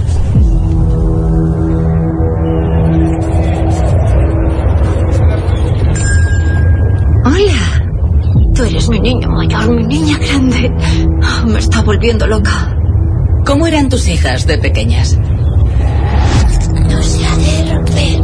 Haz una serpiente con la miel. La verdad, no recuerdo mucho. A veure, explica'ns una mica perquè estem una mica inquiets, no sabem què passa aquí. Sí, han posat ja aquesta música inquietant. Um, eh, és una pel·lícula molt, molt atmosfèrica, realment. Està basada en una novel·la, d'aquestes bestsellers um, de misteri, d'una autora que es diu Elena Ferrante, uh, i és sobre una, una dona que se'n se va de vacances um, per, per, també per preparar-se per escriure un llibre Uh, i allà comença a fixar-se, a observar una, una mare jove i la relació amb la seva nena i això li comença diguem, a portar records de, de la seva pròpia maternitat perquè la, aquesta protagonista, és Olivia Colman doncs també va ser mare molt jove no? i això li va portar diguem que unes conseqüències i a partir d'aquesta relació que comença amb l'observació llavors amb petits diàlegs eh, aproximacions um, diem que és com una mena de, de retrat psicològic um, centrat en el costat més fosc de la maternitat. Uh, òbviament és molt, molt, peli, molt pel·liculesc no? això que dic però al final el que parla la pel·lícula és sobre la, les emocions intenses i sobre com les coses, en aquest cas la maternitat potser arriba en un moment inadequat no? i comença a plantejar-se dubtes i està molt bé perquè ho fa sense tabús i a més, a més és una pel·lícula que ja dic és debut um, a la direcció de Maggie Gyllenhaal per cert mm, amb, amb molt encert uh, directament que, diguem que marca el ritme de la narració d'una manera molt um, molt bé, bueno, bàsicament perquè és, la, sobretot sense haver tingut experiència en la direcció. I és una pel·lícula que destaca per interpretacions, per interpretacions femenines, sobretot Olivia Colman, una actriu recentment oscaritzada, a més a més, um, per la, la favorita de, de Yorgos Lantimos. Uh, tenim a Dakota Johnson també i a Jessie Buckley, que ja n'he parlat diverses vegades, que és una de les més actrius uh, joves uh, preferides i que també ha aconseguit la nominació amb l'Oscar per, per aquesta pel·lícula. Mm. I, i Ed uh, Harris, que és un actor que, que a mi sempre em crida molt l'atenció perquè és, uh, vaja, és el, el revés del, del retrat de Doris Gray ell és, no sé es, no? Eh, és, és, sembla Sí, sí. que sigui 20 anys més gran del que és és que uh, Sí, sí, absolutament. Ara mateix no sé quina edat té, però sí que el, el veus bastant envellit. Mm. Mm. De fet, el, el, vaig poder coincidir amb ell a Sitges quan va venir, crec que va ser fa dos anys, mm. o tres, que, que li van donar també un, un premi a la, a la seva trajectòria, Mm. i me'n recordo trobar-me al, al bar del Prado, allà al, al, al, al, Mhm. al cinema, justament abans que li intessin no donar el premi, Mm. i el tio caminava fins i tot coix, el veia super envellit, però el tio s'estava fotent un tequila a les 4 de la tarda. l'Ed Harris no, però Sí, sí. ah, jo penso que ara potser ja la, la seva edat física s'està semblant a la seva edat biològica perquè en té 71 però és que tu mires pel·lícules de fa 20 anys i ja sembla que en tingui 70 eh? és que és, Sí, sí, totalment, totalment. Mm, és d'aquests actors que sembla que... va dir com, una mica com li va passar a Sean Connery, no?, quan es va començar a deixar la barba blanca. mm. Sí, sí, recordem que quan va fer Indiana Jones i l'última cruzada, per exemple, es portaven, sembla, 4 o 5 anys de diferència amb Harrison Ford. Vull dir, Hosti. és una, una bogeria. Sí, sí. Perfecte, mm, com a les xiques d'Oro, que vam parlar fa poc, eh? que la que semblava més vella de, de totes, en veritat no era pas la Exacte. més vella. Sí, sí. Sí, sí, aquelles qüestions de misteris de l'edat i del Sí, físic. sí, sí. Molt bé, anem a per la tercera. Sí, eh, recordem que tu te n'oblides, aquesta pel·lícula també es podrà veure a l'Ocine de, de Granollers. Collonut, perfecte. I ara sí, l'última que ja ho dic ara, que es pot veure el sucre de Vic i els Ocini de Granollers, així ja no m'ho deixo. Exacte, i a més eh, es podrà veure els dos cines perquè sens dubte és la gran estrena comercial de, del cap de setmana eh, no ni de bon tros la millor però mm, almenys té, té aquest punt de carismàtic de grans estrelles i una producció més o menys coneguda eh, estem parlant d'aquesta adaptació de Agatha Christie titulada Muerte en el Nilo Señoras y señores, recibamos a los recién casados. Simon Doyle y señora. Madre, debes conocer a Hercule Poirot. Mi enhorabuena, madame. Merci. Es el mejor detective que hay. Sospecho que tal vez me ha incluido por motivos ajenos a la diversión. Tenemos el Karnak a nuestra disposición hasta Abu Simbel. Un chef robado al Hotel Shepherd del Cairo y champán suficiente para llenar el Nilo. Cuando seas rica, nadie es de verdad tu amigo. It's too late Estava esperant si arribava el primer mort o alguna però no, no arriba. Ara, ara, just ara, just ara, just ara quan he posat a parlar.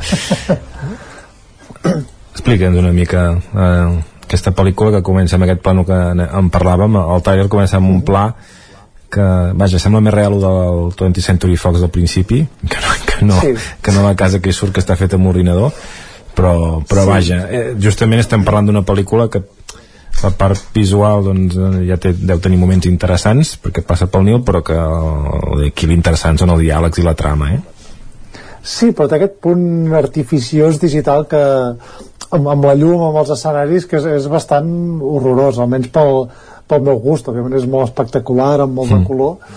A mi realment no m'agrada gens aquesta textura o aquest tipus de mm, digue- diguem de- d'imatge que, que per cert s'està extenent bastant perquè ja s'estan veient moltes pel·lícules amb els efectes molt mal acabats Mm. i sense anar més lluny pel·lícules com Spider-Man No Way Home que, que ja em perdonaran però, però mm. déu eh? tinc la sensació que potser té la, la idea en, en aquest cas en concret i que potser si es cau més és, és que sigui com un teatre eh? que sembla que sigui un decorat i sembla que es, que, es, que es vulgui que es vegi que és un decorat no? A mi em sembla que és més accidental que, sí? que altra cosa perquè a més a més eh, que Kenneth Branagh que és així molt, molt delicat amb l'estètica de les seves pel·lícules no sé com, com s'ha deixat colar amb això Mm. i tampoc sé com ha tingut continuïtat aquesta mena de, de revisió d'aquests clàssics d'Hercules Poirot no? aquestes adaptacions de l'Agatha Christie eh, molt, molt cèlebres de, dels anys 70 i ja va fer l'assassinat a l'Orient Express i ara arriba amb aquesta mort al Nil um, on el propi Kenneth Branagh que fa de- d'Hercules Poirot i que sens dubte és el millor de la pel·lícula perquè li, li dona aquest eh, carisma aquest, aquest cachondeo, aquest sentit de l'humor que té el, el detectiu més popular de- d'Agatha Christie Mhm. uh, i en aquest cas co comparteix espai amb, amb estrelles com, com Gal Gadot, com Armie Hammer uh, Annette Bening, Emma Mackey etc etc.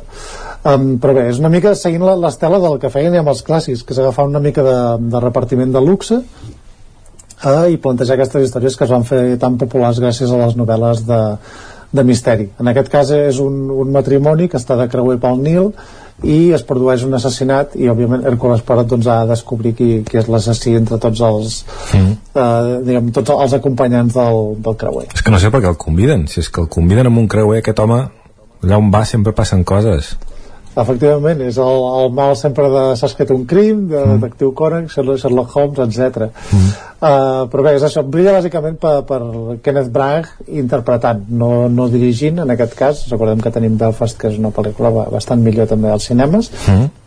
I a més a més el nivell de carisma tam- tampoc és el mateix perquè recordem que a la pel·lícula antiga um, tenim, teníem per exemple a Betty Davis, a Mia Farrow a Angela Lansbury justament ara que parlàvem de, de s'ha escrit un crim hi havia Jane Birkin, David Niven clar, o sigui, actors molt bons realment i aquí uh, diguem que brilla una mica per la, per la seva absència aquest talent per, per la interpretació però bé, eh, si algú no coneix la pel·lícula antiga doncs al final són històries de misteris no? aquests, aquests whodunit que es diu Com, com? i sempre són el whodunit és eh, qui, Ah, vale. qui, qui, ha, qui, Vale, qui ho ha fet qui, qui ho ha comès no? el que ho han convertit en una paraula allò que fan els anglesos de, de convertir qualsevol cosa en una paraula i, i bé, és uh, pel·lícula de misteri no desvetllarem qui és l'assassí però, però bé, allà, allà es queda Molt bé.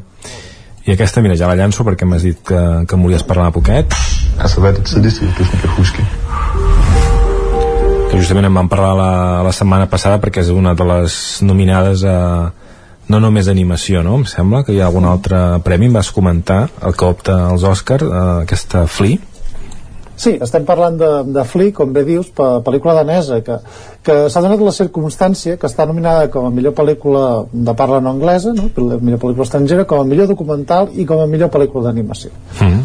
Uh, per què? Perquè és, és un documental sobre, sobre un refugiat afganès que explica la seva història però ell, ell va demanar mantenir-se en l'anonimat i per tant ho han, ho han explicat en forma de això, de, de documental uh, animat no? com, com un recurs per, per no tenir imatges de, de protagonista i bé, doncs aquesta circumstància doncs, l'ha convertit en una pel·lícula molt atractiva amb un relat d'una història real i ha tingut aquest predicament en aquest, en aquest cas amb els Oscars que per lo que veiem de moment no ha servit perquè tingui més predicament també a les sales de cinema perquè no la podem veure cap cine proper malauradament Mm. I plataformes tampoc? de moment no Mm. Molt bé, de doncs a veure, ara tinc el dubte de si l'han d'estrenar amb alguna però de moment no, no està marcat Bueno, ho aniré mirant, si en cas, mentre es parla, a veure si trobo una mica d'informació. Uh, perquè ara també doncs, a part d'aquestes estrenes uh, que hem parlat toca també fer un repàs a, a, als premis Goya sí, Va sobreviure? mica- Uh, sí, perquè no vaig veure la gala sencera, afortunadament. Va- vaig veure 40 minuts i crec que vaig envellir dos anys. Uh, va, ser, va, ser, va ser una gala horrorosa i a més a més quan venies d'una gala que era la gala pandèmica que ja presentada per Antoni Banderas uh, sense els convidats uh, allà a l'escenari bueno, a dintre la, la sala ni res i realment va ser una gala molt dinàmica i bastant divertida i en aquest cas Ah, sí? Sí, sí, eh, o sigui, és- aquí és on està la, la bogeria, no? Eh, No, aquesta va ser horrorosa i a més a més amb, amb, celebrant la- l'any d'Erlanga, o sigui, una gala sense gens de, de, de l'humor, sense ironia, uh, res, terrible. Uh, però bé, uh, uh, més enllà d'això, comentar que el Buen Patron va complir amb els pronòstics a mitges, perquè de les 20 nominacions va guanyar 6 premis Goya, inclòs uh, millor direcció, millor actor, uh, millor pel·lícula, uh, però bé, diem que en va perdre 14, si Mm. d'una altra manera. Però de fet, eh, no sé, corregeix-me si m'equivoco, però em sembla que a, a mitja gala no n'havia guanyat ni un, no? Va ser al final que... Sí, exacte, va començar a remuntar al final. Mm. Sí, sí, no sé si els acadèmics van voler-ho repartir o què, però bueno. També destaca que la pel·lícula de Pedro Almodóvar, Madres Paral·leles, eh, va marxar buida, va, va marxar amb zero goies, i, i es va molt, marcar molt la curiositat, no? es comentava molt a Twitter que és la pel·lícula que ha estat dos vegades nominada a l'Oscar, tant per banda sonora com per la millor actriu, doncs en aquest cas no s'han portat cap premi, no? que realment no vol dir res perquè no vol dir que les acadèmies hagin de premiar el mateix o tenir els mateixos gustos, però sí que com a mínim crida l'atenció que, que marxés eh, sense cap mena de premi. Mm. I la millor notícia per mi, la que vull destacar, és el premi a la direcció novell de, de Clara Roquet per Libertat. Mm. Recordem la directora que és de, del nostre territori, perquè és de Malla. Mm. Uh, va guanyar algun altre premi per Libertat, també. I, i és interessant perquè és, és la cinquena dona que consecutivament guanya el premi a la millor direcció novell. que això ja tinc el dubte de si és un tema gairebé polític per, per donar un premi a una figura femenina o si realment això d'aquí uns anys ja marcarà un canvi a el que és um, com es perceben els premis i aquesta hegemonia uh, masculina en general Mhm. recordem que és un premi que havien guanyat tant uh, Carles Simón per Estiu 1993 Ar- Arantxa Chavarria, Belén Funes Pilar Palomero per les niñes i ara Clara Roquet Mm. Falta que això, que, que tots aquests premis eh, individuals i puntuals també es, es traslladin en què moltes més dones arribin a la producció final a fer pel·lícules, a, a veure les estrenades Sí, efectivament, no? i a més a més que ha arribat als premis a, a millor direcció, no? que sembla que... És, jo comentava durant la gala que dic, bueno, al final aquí tenim nominats al Almodóvar, a, a Fernando León de Aranoa, que, que dius, bueno, aquesta gent ja estava aquí fa 30 anys. Mm -hmm. Uh, però vaja, uh, també aquest tipus de gales també s'intenta molt portar uh, gent important no? que també llueix molt és, és aquesta idea més d'aparentar que de ser uh -huh. uh, per tant bé, ja, ja veurem si en els, si en els anys això es va corregint molt bé, què més? Parlant de Carla Simón, guanyadora d'aquell Goya per estiu 1993, eh, hem de celebrar que ha guanyat el, el Lleó d'Or al Festival de, de Cinema de, de Berlín, o la Berlinale, que és un dels, dels cinc festivals més importants del món, sens dubte, i és la primera vegada que ho fa una pel·lícula en català, o sigui, estem parlant segurament de, del premi més important de la història de, del cinema català. No guanyava un espanyol allà em sembla que des de Buñuel i ara estic parlant de, de memòria. I ho ha fet això amb una pel·lícula en català produint català, parlant sobre gent catalana a més a més del món rural eh, i crec que és un triomf espectacular per una producció feta aquí. I a més a més tenint en compte que tot aquest problema que tenim ara amb la inversió lingüística on es parla molt de que no es pot fer contingut en català perquè no, no arriba més gent, no trasplassa fronteres i se li ha pogut concedir aquest premi eh, tan increïble. A més a més, un premi que li ha vingut donat de la mà de M. Night Shyamalan, que és un altre d'aquests grans genis de, del cinema, amb Ryusuke Hamaguchi també el, eh, com a membre del jurat. I bé, eh, celebrem aquest triomf perquè realment és, és importantíssim.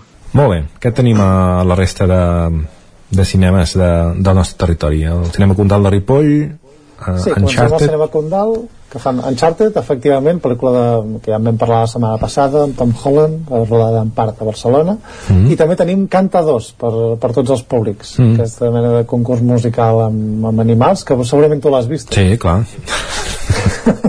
Recomanable o no? Sí, sí, sí. No, el, estava alçada de la primera. Perfecte. Pues, a més a més la podrem veure la seva versió en català, per tant, mm -hmm. eh, allà ho sabeu. Molt bé. Per cert, eh, el cinema Sucre de Vic, que és on vaig anar a veure Canta, Canta 2, eh, en català era una mica més barata que en castellà. Ah, mira. No sé si pues, és perquè hi ha... alguna mena de subvenció, no sé. No sé si és perquè una subvenció o és un tema de mercat d'oferta i demanda esperem que no Bueno, doncs, sigui això sinó que sigui que es promociona el cinema en català i el doblatge Ah, esperem això. el casal Camprodoní Villa Caprice Sí, el caso de Villa Caprices, una pel·lícula francesa de l'any passat, eh, que és, és bastant interessant. És, és una pel·lícula sobre un, un advocat que, que, que agafa com a client un empresari de, dels més poderosos de França, no? que és d'aquestes persones fosques, corruptes i terribles, Uh, i és una pel·lícula justament sobre això, sobre els límits de l'ètica, sobre com, com la, la gent rica pot arribar a ser realment persones terribles, uh, sense ser així de, de, de maniqueo, eh? és, és ben bé el, una pel·lícula estructurada al voltant d'un MacGuffin i parlant sobre totes aquestes esquerdes fosques que hi ha al voltant de, de les elites. És una pel·lícula molt, molt política, amb una càrrega política molt interessant, uh, i a més a més amb molt bones interpretacions, sobretot el protagonista que és Niels Arestrup. mm. molt bé um, amb pan de de limón con semillas de amapola la- l'estratègia que van seguir va ser que cada setmana era un cinema diferent i ara sembla que, que amb aquest uh, cicle Gaudí amb les leyes de la frontera han optat per una altra cosa perquè aquesta pel·lícula es podrà veure a la vegada al Cinema Catalunya de Ribes, a l'Alter de Torelló i també a l'Esbarjo de Cardedeu.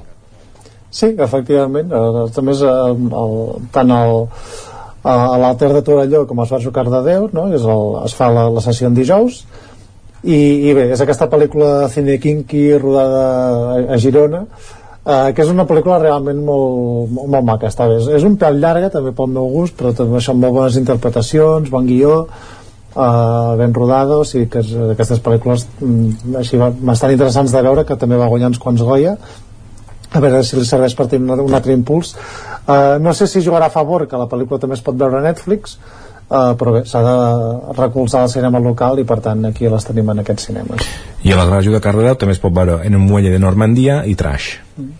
Sí, el Novel de Normandia en vam parlar sobre aquesta eh, escriptora que, que vol fer un llibre sobre els, la classe treballadora en aquest, en aquest port de, de França, a Normandia i tres, que si vols t'ho deixo a tu No, no, aquesta no... que és d'animació infantil No, també tenim criteri, eh? I, aquest, i, I aquesta no entrava dintre dels nostres criteris, no la coneixem. No, és uh, pel·lícula menor dintre de, del cinema d'animació, però bé, uh, Mm. interessant. Mm. Molt bé. I, per últim, el Cineclub de Vic, Benedetta, eh, en vam parlar Sí, fa molt de temps, però...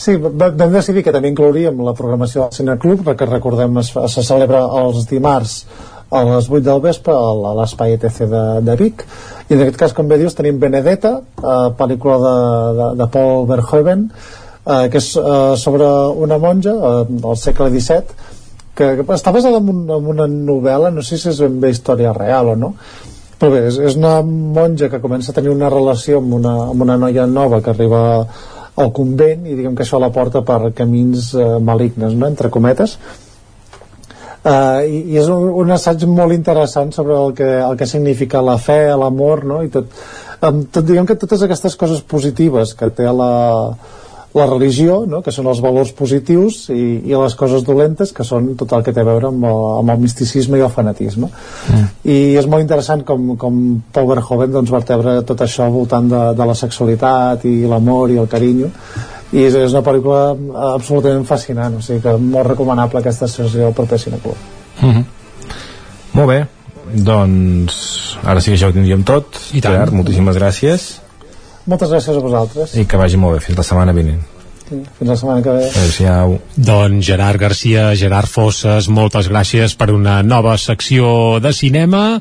Ja estem al cas de la cartellera del cap de setmana, per tant, ara sí que ja no hi ha excusa per no acudir als cinemes, això sí, en català, eh, Alcarràs arribarà el 29 d'abril als cinemes dels països catalans. Per tant, si volem gaudir de la nova pel·lícula de la Carla Simón, premiada ahir a la Berlinale, haurem d'esperar encara fins a finals d'abril. El que no haurà d'esperar fins a finals d'abril és el Territori 17. Ara marxem, però tornarem demà.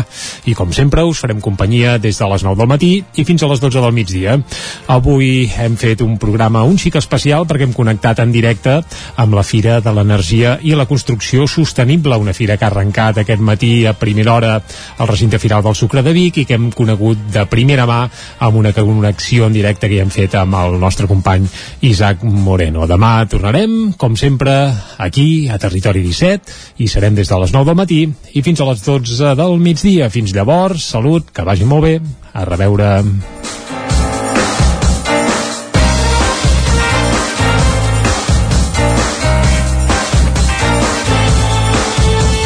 Territori 17, un magazín del nou FM. La veu de Sant Joan, Ona Codinenca i Ràdio Cardedeu amb el suport de la xarxa. El nou FM